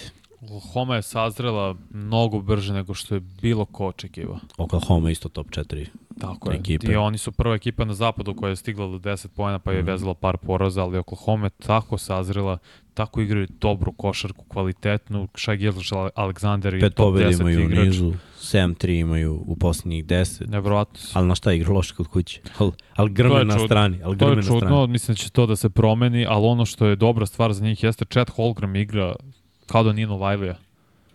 To me iznenadilo. Da on šutira iz igre makar 50%, ali makar neke, 40% za 3 i 90% još, bacanja. Jeste, ima, pazi, dobar je šuter. To je nerealno. Ali ima još uvijek dosta prostora za napred. Ima, ali s tome vidi se da se bolje snalazi nego, na primjer, Vemba Njama u nekim situacijama. Stoji. Zato što možda zato što jeste godinu dana već u ligi samo ni igrao, možda i jeste do toga što je malo telo uh, brže pripremio nego Vemba Njama, ali vidiš da meni šutira sa, deluju, samom pouzdanjem. Izvini, meni mm -hmm. jednako tela deluju nepripremljeno. Možda grešim, ali bukvalno ja sam isto to mislio, ali ne znam u nekim momentima koliko god da su... Tebra Chris Paul ga je čuvao i nije ga, i nije ga, razlika u visini je, je 11 inča. Bre. Chris Paul je 6-0, ovo je 7-1. Isto znam. I nije ga, mislim, nije ga čuvao na trojci Chris Paul leđima, nego je čuvao na niskom postu dole, bukvalno 2,5 metra od koša. Kison Wallace, tako I ovaj se nije okrenuo da šutne, nego izgubio loptu. Jednom, drugi put je odmah izbacio, brate, ti hoćeš da daš koš ili nećeš, ne može bolji mi meč da bude nego skraćeni playmaker, mogu da kažem skraćeni jer sam ja 6-0. Znači, da mi dođe lik od 2 metra, ja, ja samo bi faul napravio, šta ima tu da radim? Koliko god da si jak, koliko god da misliš da možeš da se guraš, razliku u visini, on samo da se okreni, da digne ruke, pa ja tu loptu ne mogu da Čelon Holgram nije to iskoristio, ali ja nemam problem s time jer prate za neko ko je toliko visoko da šutira 90% sa linije slobodnog bacanja i čet, preko 40% za 3 poena, ali on tu su šutivi sa samopouzdanjem. Da ti moraš iz pick and popa kad oni ša igraju, ti vidiš da on čeka svoj moment, dobije i odmah, nema oklevanja, odmah prangija za Stoji. Ajde ovako kad već poredimo tu dvojicu, pošto pričamo i o San Antoniju. Uh mhm. -huh. Mislim, mnogo lakše igrati u ekipi koja grmi, jer nije Jeste, jedini, da se ne lažemo, da Šaj i Dort prangijaju ove godine. Nerealno kako Dort šutira iz igre. To, je, to je, ne, mislim da to nije održivo. Vanja, kada imaš sa, sa igrače oko sebe koji rade većinu posla i ti samo tvoje da ne razočaraš. Vembi u ruki sezoni bez tih, da kažemo, godinu dana pripreme, nebitno, ajde, to je na računom. Ja uvijek mislim da dok ne, ne izađeš na teren, ti nisi igrao u teoriji. Uh mhm. -huh. I, I jesi ruki, ti mogu se da treniraš, postaneš ti profesionalac, malo uđeš u, u šemu treninga, putovanja, te, te neke stvari su bolje, malo više gledaš filma, malo dobijaš više saveta, to je okej. Okay. Ali realno gledano ti izađeš na teren i opet si prvi put tu sa svim tim igračima. Čini se da Ali mnogo je lakše kad igraš u boljoj ekipi. Ostavljen si u bolju uh mhm. -huh. situaciju. E, Čini mi se da oni imaju najbolji šut za 3 poena ove godine NBA. A to je neverovatno. Pričali smo o igračima prošle godine, ovim, gde ti vidiš ono, možda da se nešto desi u smislu nemaju konstantan šut za 3 poena. To se sad promenilo i glavni, jedan od glavnih uzor, uzroka zbog toga jeste Holmgren. Gle, on, Dort i Shai su kao trio najubojiti u tom šutu za tri pojena. Evo, To sam video negdje izašla je slika baš. Da, da. Ne, ne mogu sa, sa tačno ću da kažem procente jer se ne sjećam, ali znam da su njih 46%, Dort 45,9%. Mislim da su svi preko čet, da njih trojica imaju Ko, prosek. Ne, ne, njih trojica Aha. imaju prosek Da, da. preko 45. Jeste. Preko 45 nije, nemoguće. Tako nešto, ne, bar, Šaj šutira 36 iz igre, 36. za 3 poena. da. Možda onda preko sam pogrešio. 40. Onda Dort i ovaj, a Dort, pazi, Isaiah Joe koji je protiv Warriors šutno 7 od 7 za 3 poena, on Mhm. šutira sulud procenat što se tiče linije van 6, 7, 24 zapravo, nije više 6, 75. Tako da kao ekipa šutiraju vrhunski za 3 poena. Ne znam koliko je to održivo. Keson Wallace takođe sa Kentucky-a šutira isto 50% iz igre, 40 za 3, 90 s linije bacanja, mislim 100, zato što ima samo 9 od 9 bacanja, ali opet to je, su neki neverovatni procenti i Oklahoma je prošle godine, to jest prošle godine im je trebalo 23 utakmice stignulo do 10 pobjeda, sad su to mnogo brže stvari. oni su prošle godine bili moj dark horse za, za playoff i ušli su ono, u play-in, nisu rešili to, nažalost. Ali ove godine neće da njih biti play-in priča, već playoff. Ali to je Ne, bilo je. Pričali smo da od mladih igrača oni imaju najbolji ovaj, nukleus ekipe.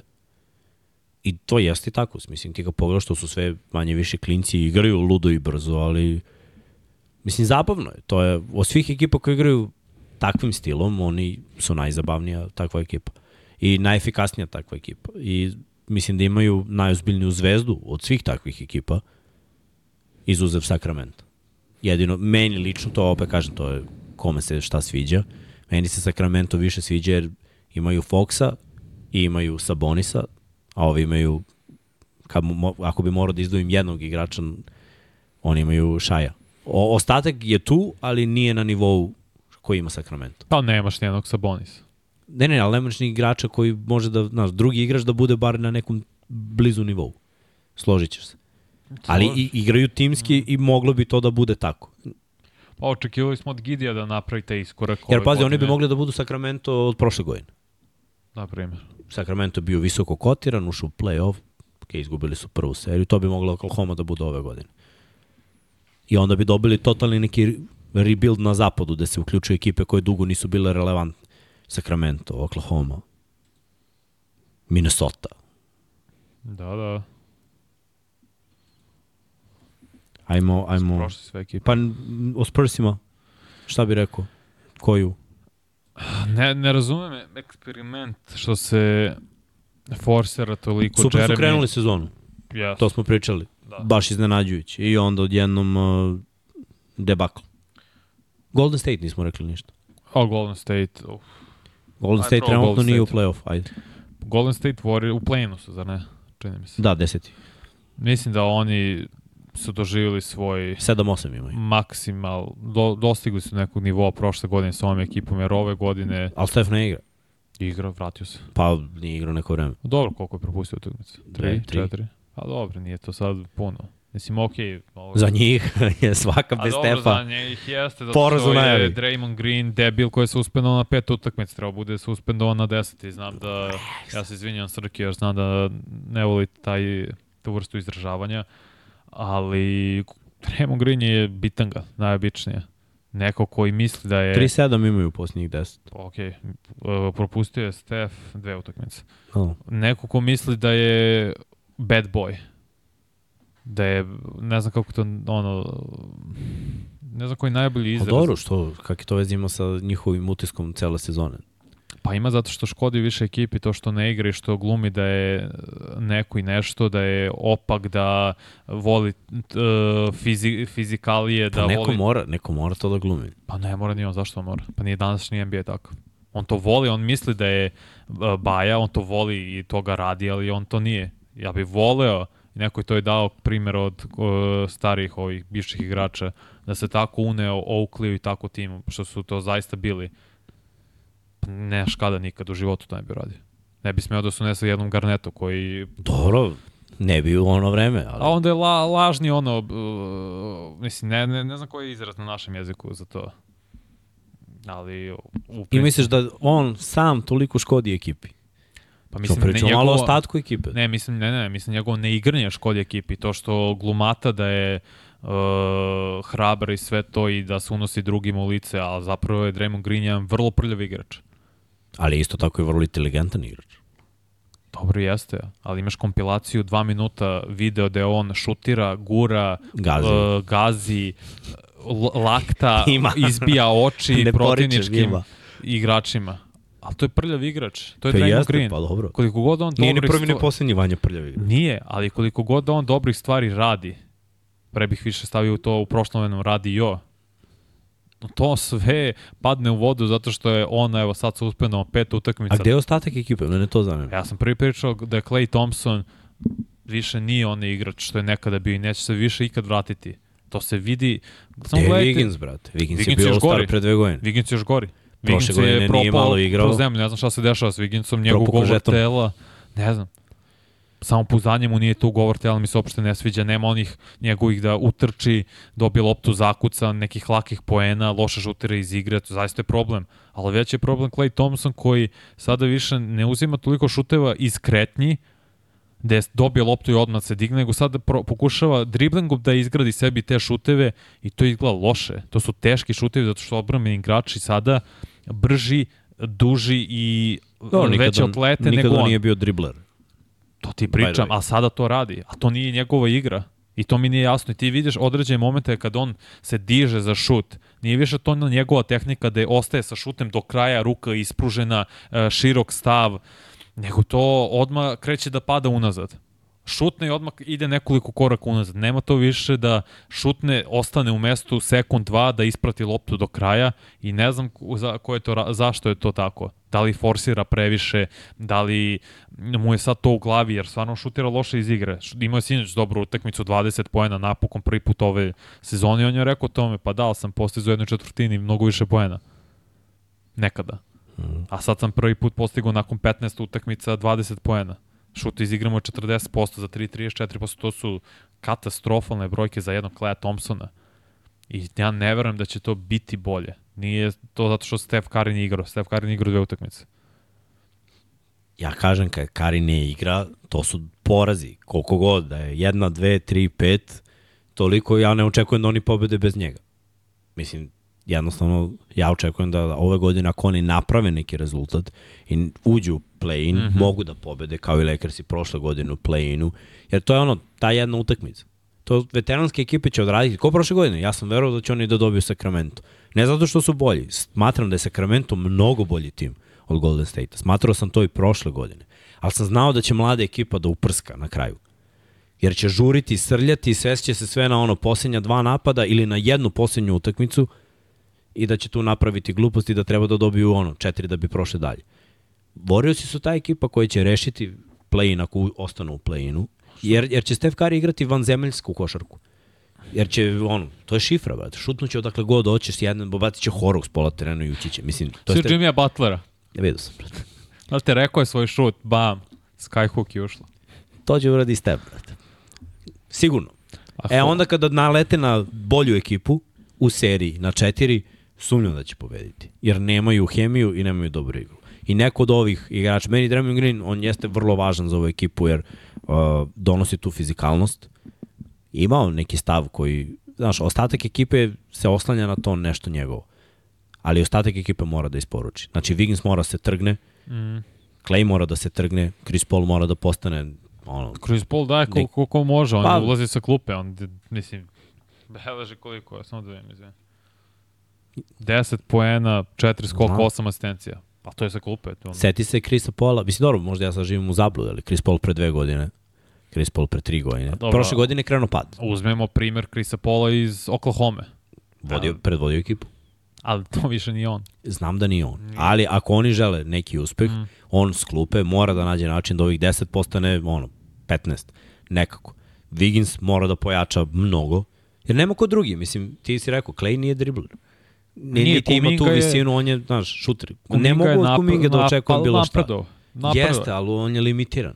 Dobro. Wiggins ima šut s polja, atleta je, i ono, sad ili nikad, Borazor, ako sad to ne uradiš, pitanje je da možda bude starter u nekim relevantnim Ili ekipama. Mislim, a bio si All-Star pre dve godine, nije, nije da pričamo kao nešto davno je Wiggins bio igrač. Bio super igrač pre dve godine. Jeste. Prošle godine je očigledno imao problema van terena koji, ga, koji su ga izbacili iz forme ili, ne znam, iz takta. Svakako, to su stvari koje moraju da se promene ako oni žele neki rezultat. Mogu da ostanu u play-inu, mogu da uđu u play-off, Da li će uraditi nešto dalje, ne znam. Od ovog in-season turnira nema ništa od njih. Ma nema ništa. I oni ako uđu u playoff ove godine, nekako ja, kako trenutno igraju, zaista ne vidim način na koji Pa Golden ti State način. Warriorsi mogu da pobede seriju. Mogu da ti dam način.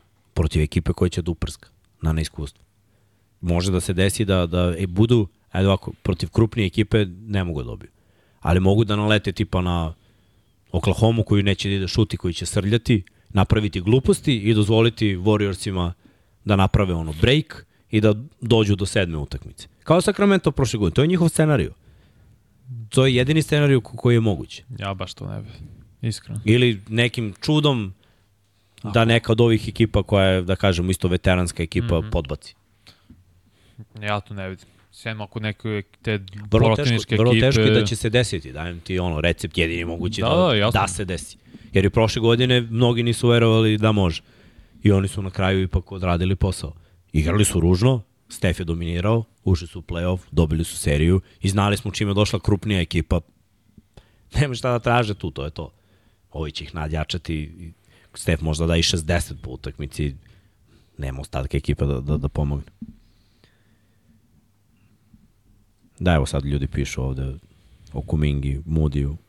Pa Igra je bolje po, pod zimski, mislim treba dobije veću minutažu jer on je zaista i on je prangijator, u, ima njuh za koš koš getere i vidjet ćemo i to Chris Paul može da ih e, postavi u najbolju poz, u poziciju za njih na terenima da poentiraju.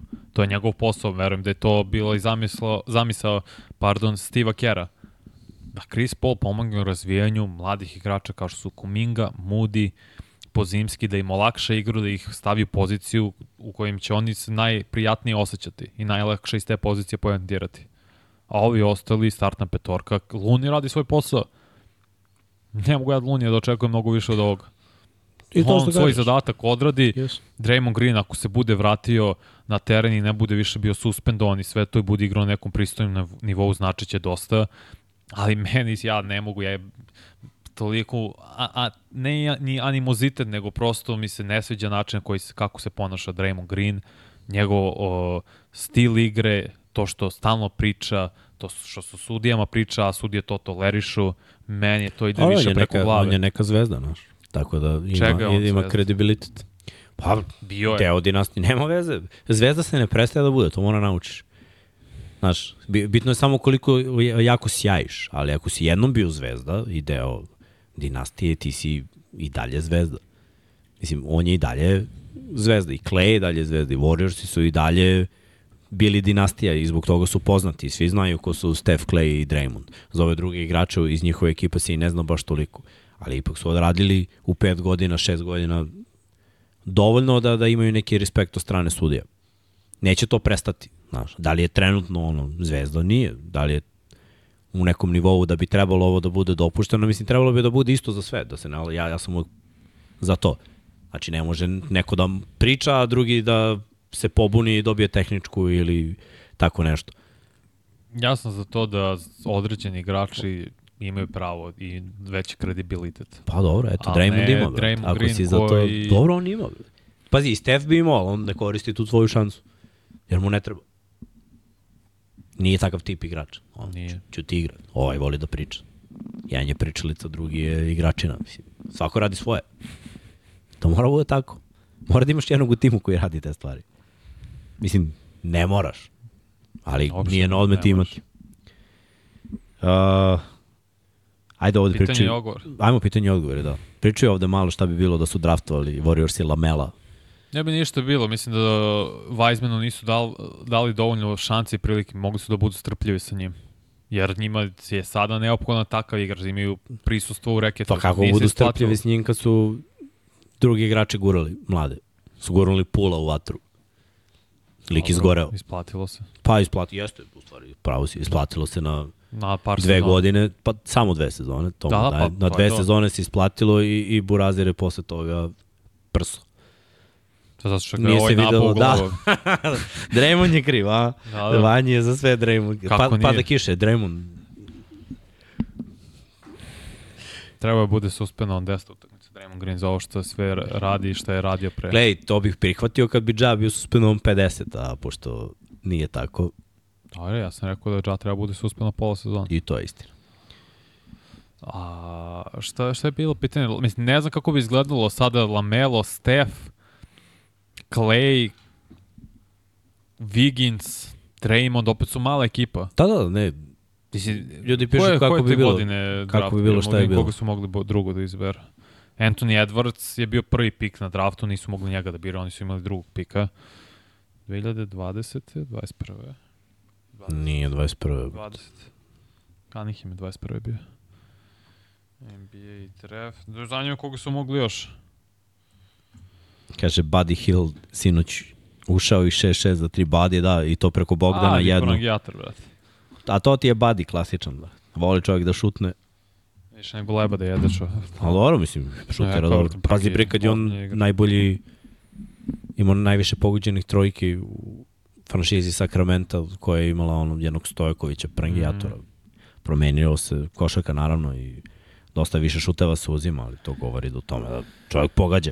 Ne znam koga su mogli iskreno sa drugim pikom da izaberu da na tom draftu da bi opravdalo neku, la, mislim nakon Lamela je, je sledeći All-Star igrač Halliburton, mislim opet je play što njima u suštini ne treba, možda Obi Topin koji se sad pronašu u Pacersima, možda.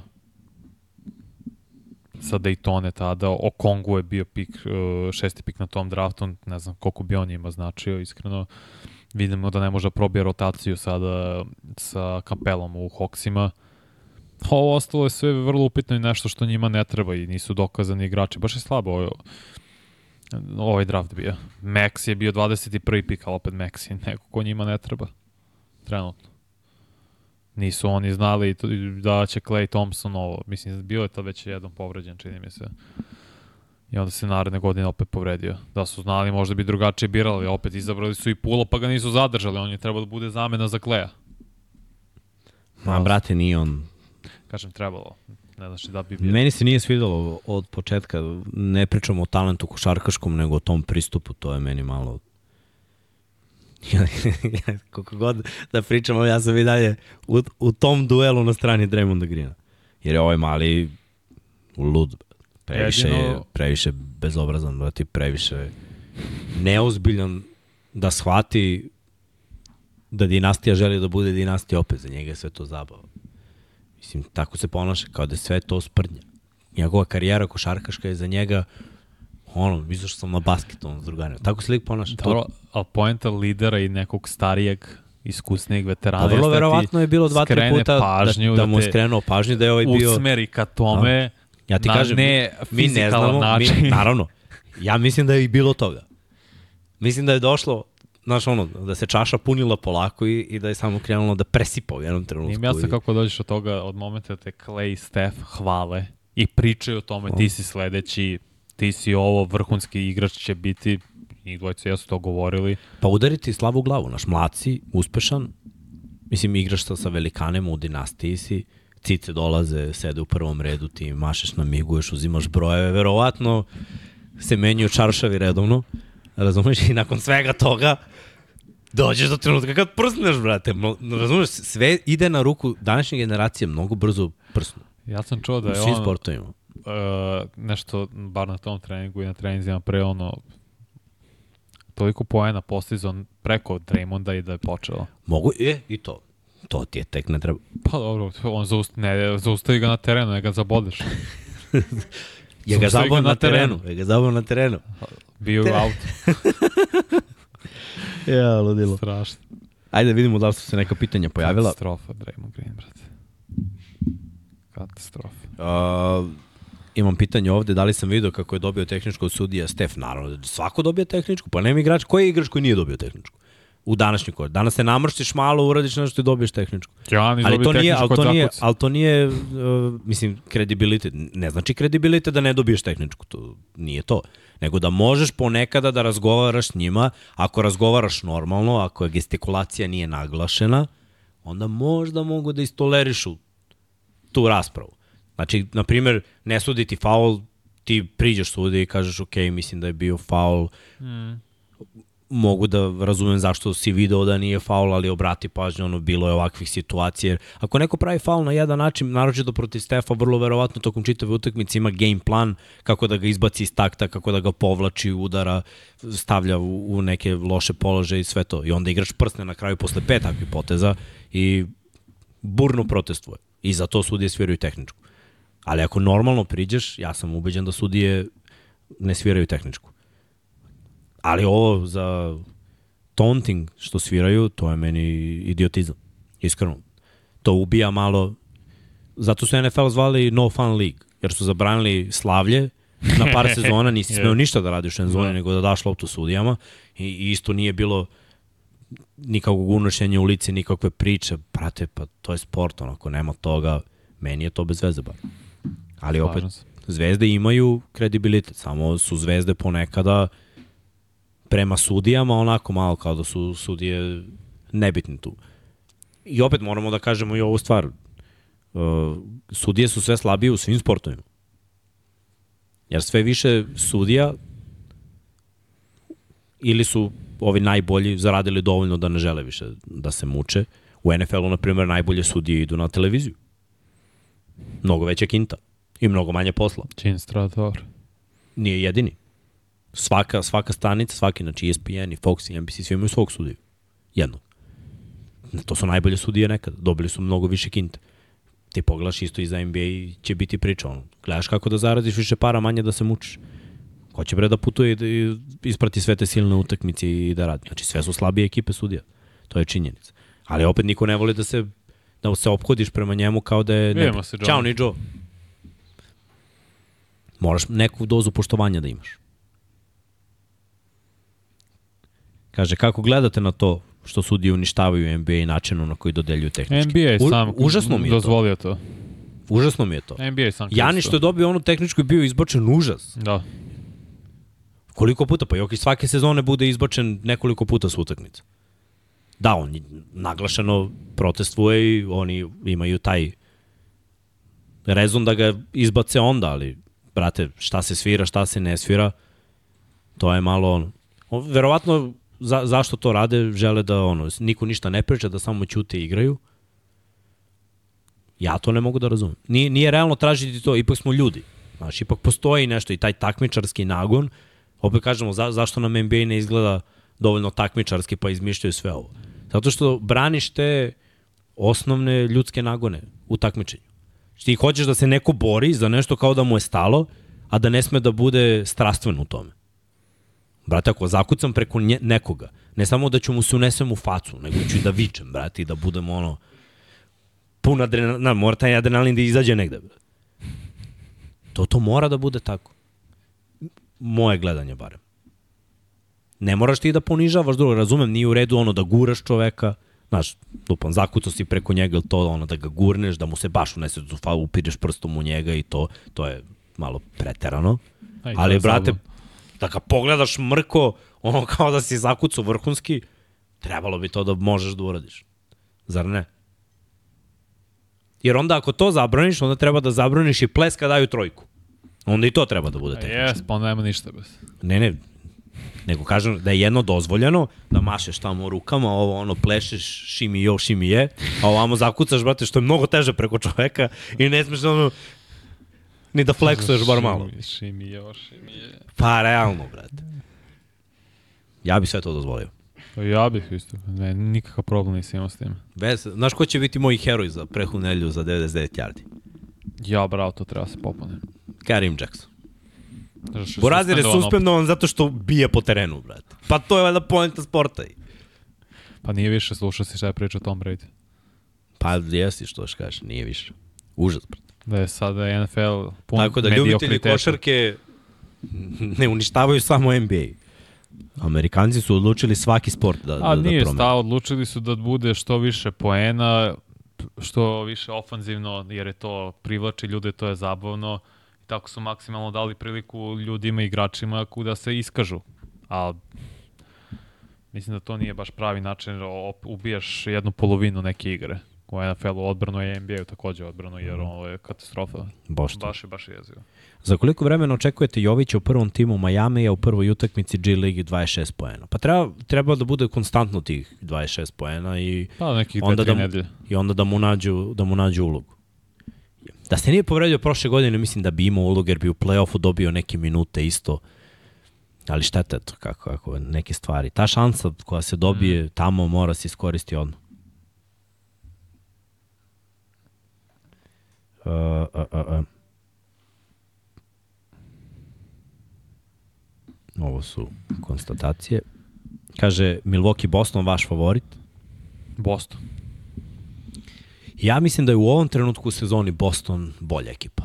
Počinjem kolika je razlika između tih ekipi, da li postoji neka Ali vidljiva razlika? mislim da nije nemoguće da, da Milwaukee odigra Milwaukee ne igra toliko konstantno dobre utakmice. Oni će dobiti na individualni kvalitet većinu ekipa. E Sad ovo je ekipa protiv koje mora da igraš najbolju partiju mm. u sezoni. Ako tako igra Milwaukee, Milwaukee može da ih dobije. Ali Boston češće igra tako. I češće smo videli od njih bolje partije. Za, ja verujem u konstantnost. To je vrlo važno u sportu. Kad duži vremenski period radiš neke stvari dobro. E, to radi Boston. Ali je, jedva čekamo, ovo večeras mora se pogleda. Uh, da li komentarišem Green Bay sutra, Vanja i ja komentarišem u prvu utakmicu, Tako je, a to. Še, 18.30, da, Packers i Lions. Da, da, bit će dobro. Biće zanimljivo. Divizija, mislim. Nema ih od trese, Detroit vidjet ćeš. Moguće, vrlo moguće. Ali gledaj, ovo što je Lav odigrao dobro u posljednje dve Igrao je utakmice, Protiv nas, koji smo imao najgoru odbranu u NFL. igrao je protiv Pittsburgha koji ima jedno od najboljih odbrana u NFL. Igrao je dobro. Igrao je dobro. Pogrešio je jednom na kraju. Mogli su da dobiju to. A jako je teško odbranu Steelersa rešiti tako. I pritom malo su se i rastrčali. Ne znam. Ne verujem da mogu da dobiju, ali mislim da mogu da učine meč zanimljivim. Pritom, jedni, jedni Chicago Bearsi su učinili meč zanimljivim protiv tih istih Detroit Ja, Lions. što ovi su imali četiri izgubljene. I opet da ti kažem nešto, ja u taj Detroit ne verujem da, da su toliko dominantna ekipa još od onog momenta kad su posetili. Koji grad beše na istočnoj obali, posetim? Tvoje što Ravens. Baltimore beše, jel da? Koliko pojena su beše dali na toj utakmici? Je može na prste da se nabroji, a? Koliko? Šest? Dobro, vi ste dali 10 uh, Pittsburghu, mislim. Kome su, koliko dali Green Bay Packersi? 23, beše. 23, Pittsburgh dao. Da, Pittsburgh inače dao otkaz Mattu Kennedy. Da? Prvi put da Pittsburgh Steelersi, znam da ovo nije 99 yard, ali moram da kažem, da su dali otkaz glavnom treneru ili nekom koordinatoru u toku sezone 1941. godine. I tad nisu bili Steelersi. Mm, Tad su bili Steeglesi, mix Steelersa i Eaglesa zbog prvog, pr drugog svetskog rata. da. To je toliko dugo prošlo. To Steelersi ne rade. Znači, Pa. Tomlinu je bilo preko glave više. Ma nije Tomlin, svima, Kenada svima i je bilo. svima, ži- Svima. svima. Ovo traje godinama već. Uh, mislim, na šta? O, mi kod nas imamo Ne, na ovim prostorima, naročito na Balkanu, uprava napolje, razumeš, navijači se pobune i jednostavno mora, da Mora se da- menja nešto. Kod njih to nema, oni naš ono trpe i kritikuju ga, a loši Kenada, i to traje pet godina, brat. Nije toliko Kenada dugo, ja mislim da je tri godine. Brate, Od 2021. mislim da je Matt Canada ofenzivni koordinator. Pogledaj, ili ja hoću. šta? ja bih rekao da je mislim dve da je sezone Bena plus, Dve i onda sad plus dve Piketa. a možda i grešim, možda jeste jedna sezona Bena. Sad ću im, ne mogu sad.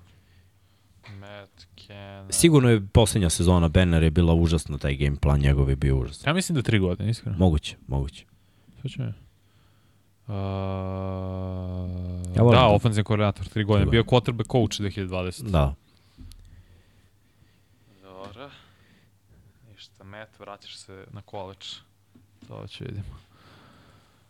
Nikola Topić u NBA, da li može i kad Nikola Topić Ove ide u NBA, samo ide. je pitanje sa kog mesta i u koju ekipu. Mislim, za Baš je sada... rano za to. Baš i tek je ko, krenulo college sezona, o Isaiah Collier koji isto play sa US igrao. Baš dobro, na Uvek će prvo oni da obrate pažnju na njihov talent, Pa da, ja pa vidim, tek onda da razmatraju evropski talent.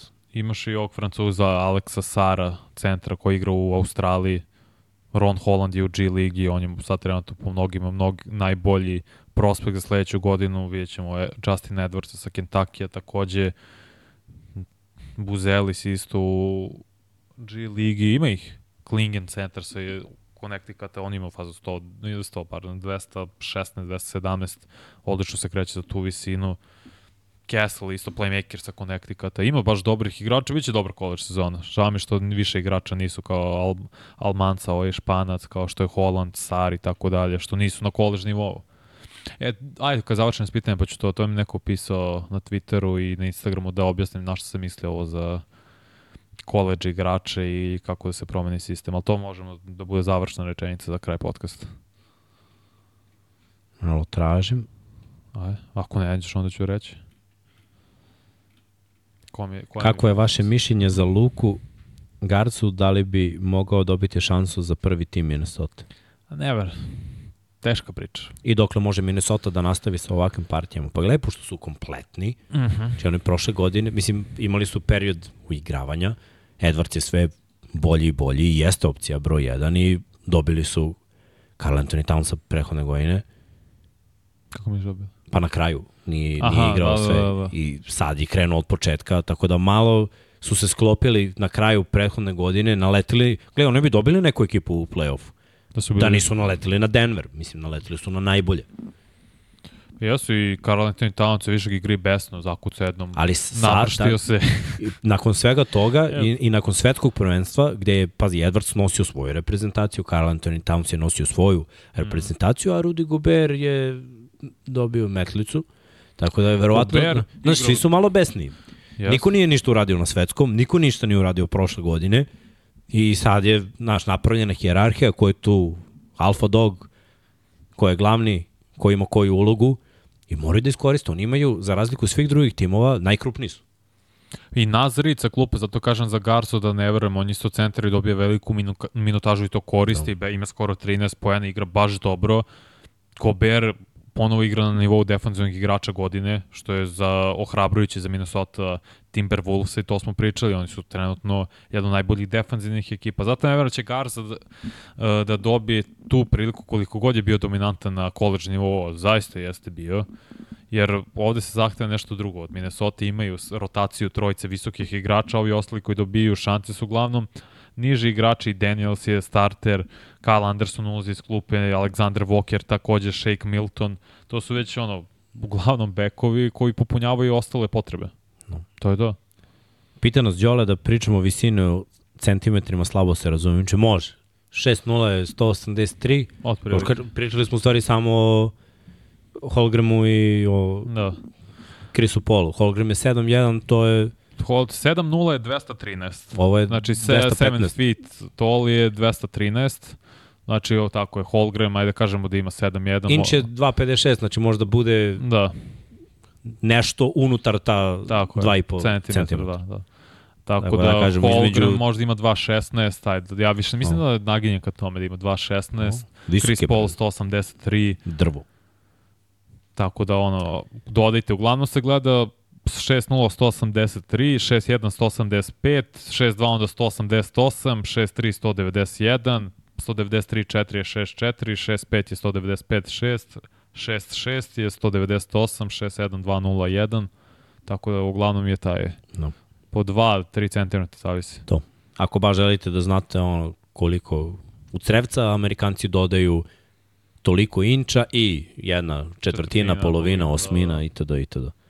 Pitaju kako bi po našem mišljenju bio Dragić u Partizanu i samim tim u Euroligi. Goran? Pa sigurno nije Zoran.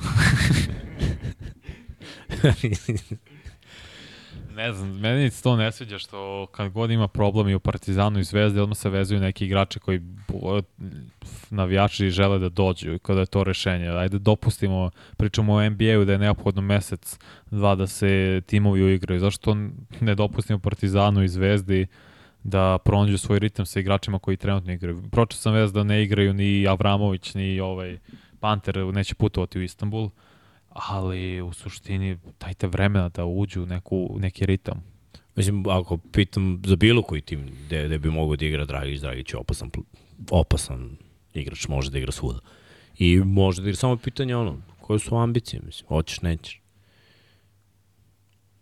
Gle, ja razumem i ljude koji su ono iz Evrope došli u NBA i nakon NBA karijere kažu dosta je, brate. Da. Ono, zaradili su para i malo laganiji život, malo manje obavez. Ali ako želiš i dalje da igraš, da izmuziš koliko možeš, definitivno postoje igrači koji mogu to da rade.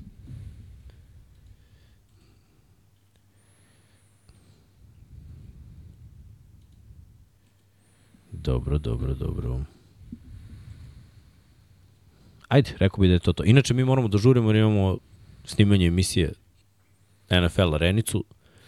E pa ajde, završit ću onda ovo što smo ajde. I sve ovo, čekaj samo. Ajde, ajde, ajde. Pre nego što Vanja preuzme monolog i sad i odjavljuš. Mislim. okay.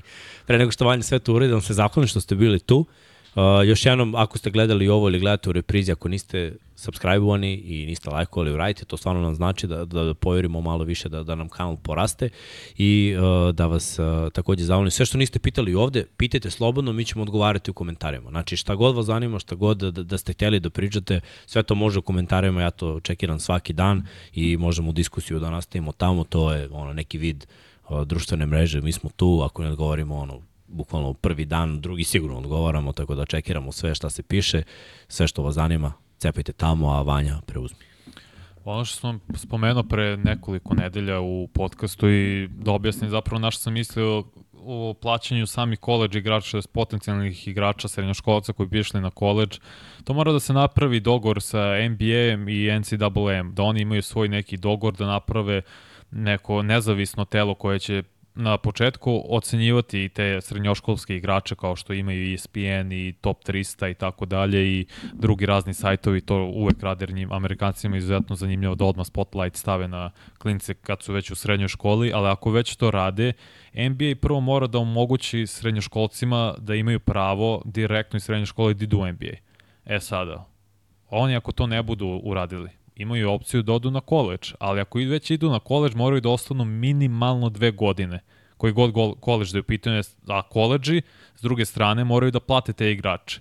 Ako su igrači rangirani od tog nezavisnog tela koji mora se napravi od nekoliko, da kažemo, šestoricu, sedmoricu poznavalaca, eksperata što se tiče srednjoškolskih igrača, od prvog do desetog plaćaš ih 2,5 miliona godišnje dolara od 10. od pardon 11. do 20. 2 miliona, od 21. do 30. milion i po, od 31. do 40. miliona i od 41. do 50. rangiranog prospekta pola miliona godišnje. Samim tim oni imaju financijsku pomoć, nisu toliko u želji da možda idu odmah u NBA, ako su mnogo veće pare i dalje u NBA-u, jer prvo nije svako spreman da u svoj prvoj godini igra odma iz srednje škole, čak nije odma sa koleđa u svojoj prvoj godini da doprinese NBA timovima. Imao primer Hokeza koji je duže ostao u koleđu i sad igra dobro za Miami jer je spreman za ligu.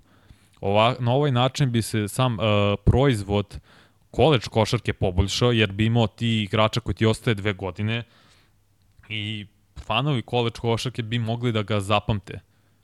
Jer zamislite da je Zion ostao na Duke dve godine, nakon što su failovali prve godine da osvoje titul. Odmah je narativ za sledeću godinu, Zion se vraća, Duke je odmah favorit i sve vreme se medijska pažnja vodi oko njega.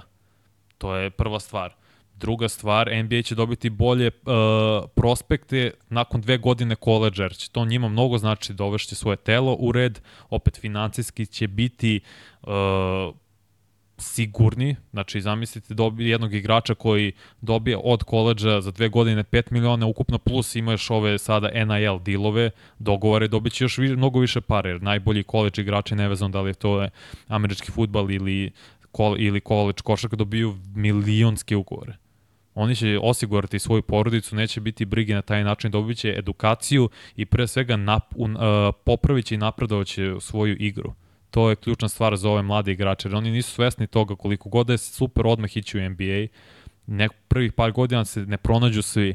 Nisu svi Anthony Edwards koji, kad je izlazio sa Georgia, imao fizički sjajno telo odmah za NBA i bio spreman da igra.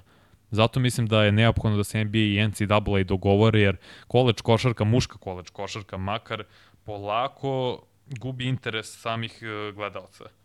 Jer mi kad pogledamo, ja više znam igrača sa ženske strane, jer evo sada, kada sam, sad sam i na, pronašao listu, znam ko su Caitlin Clark jer je pratim poslednje dve godine na Ajovi. Uh, Angel Reese sa LSU-a, Paige Becker sa Yukona koji se znao od srednje škole jer igra fenomenalna devojka i tako dalje i tako bliže. Ima još mnogo puno da sad ne zalazim jer znam koliko vas je čulo za njih.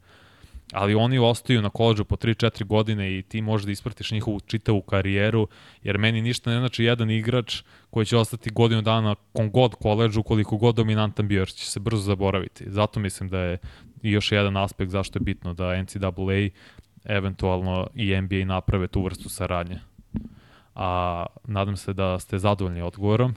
Miksa jeste, smeje se i uh, maše, glavnom u, maše glavom u odobravanju.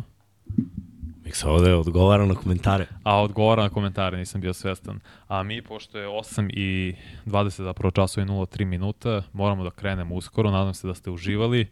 Uh, sledeće nedelje ne znam kada ćemo raditi, zavisi opet to kada imamo snimanje i sve to, ali svako se slušamo i u petak. 99 yardi će početi ranije, čini mi se u da. pola 7, to treba isto da najavimo u 16, u 18 časova i 30 minuta, ta ćemo vrlo verovatno krenuti.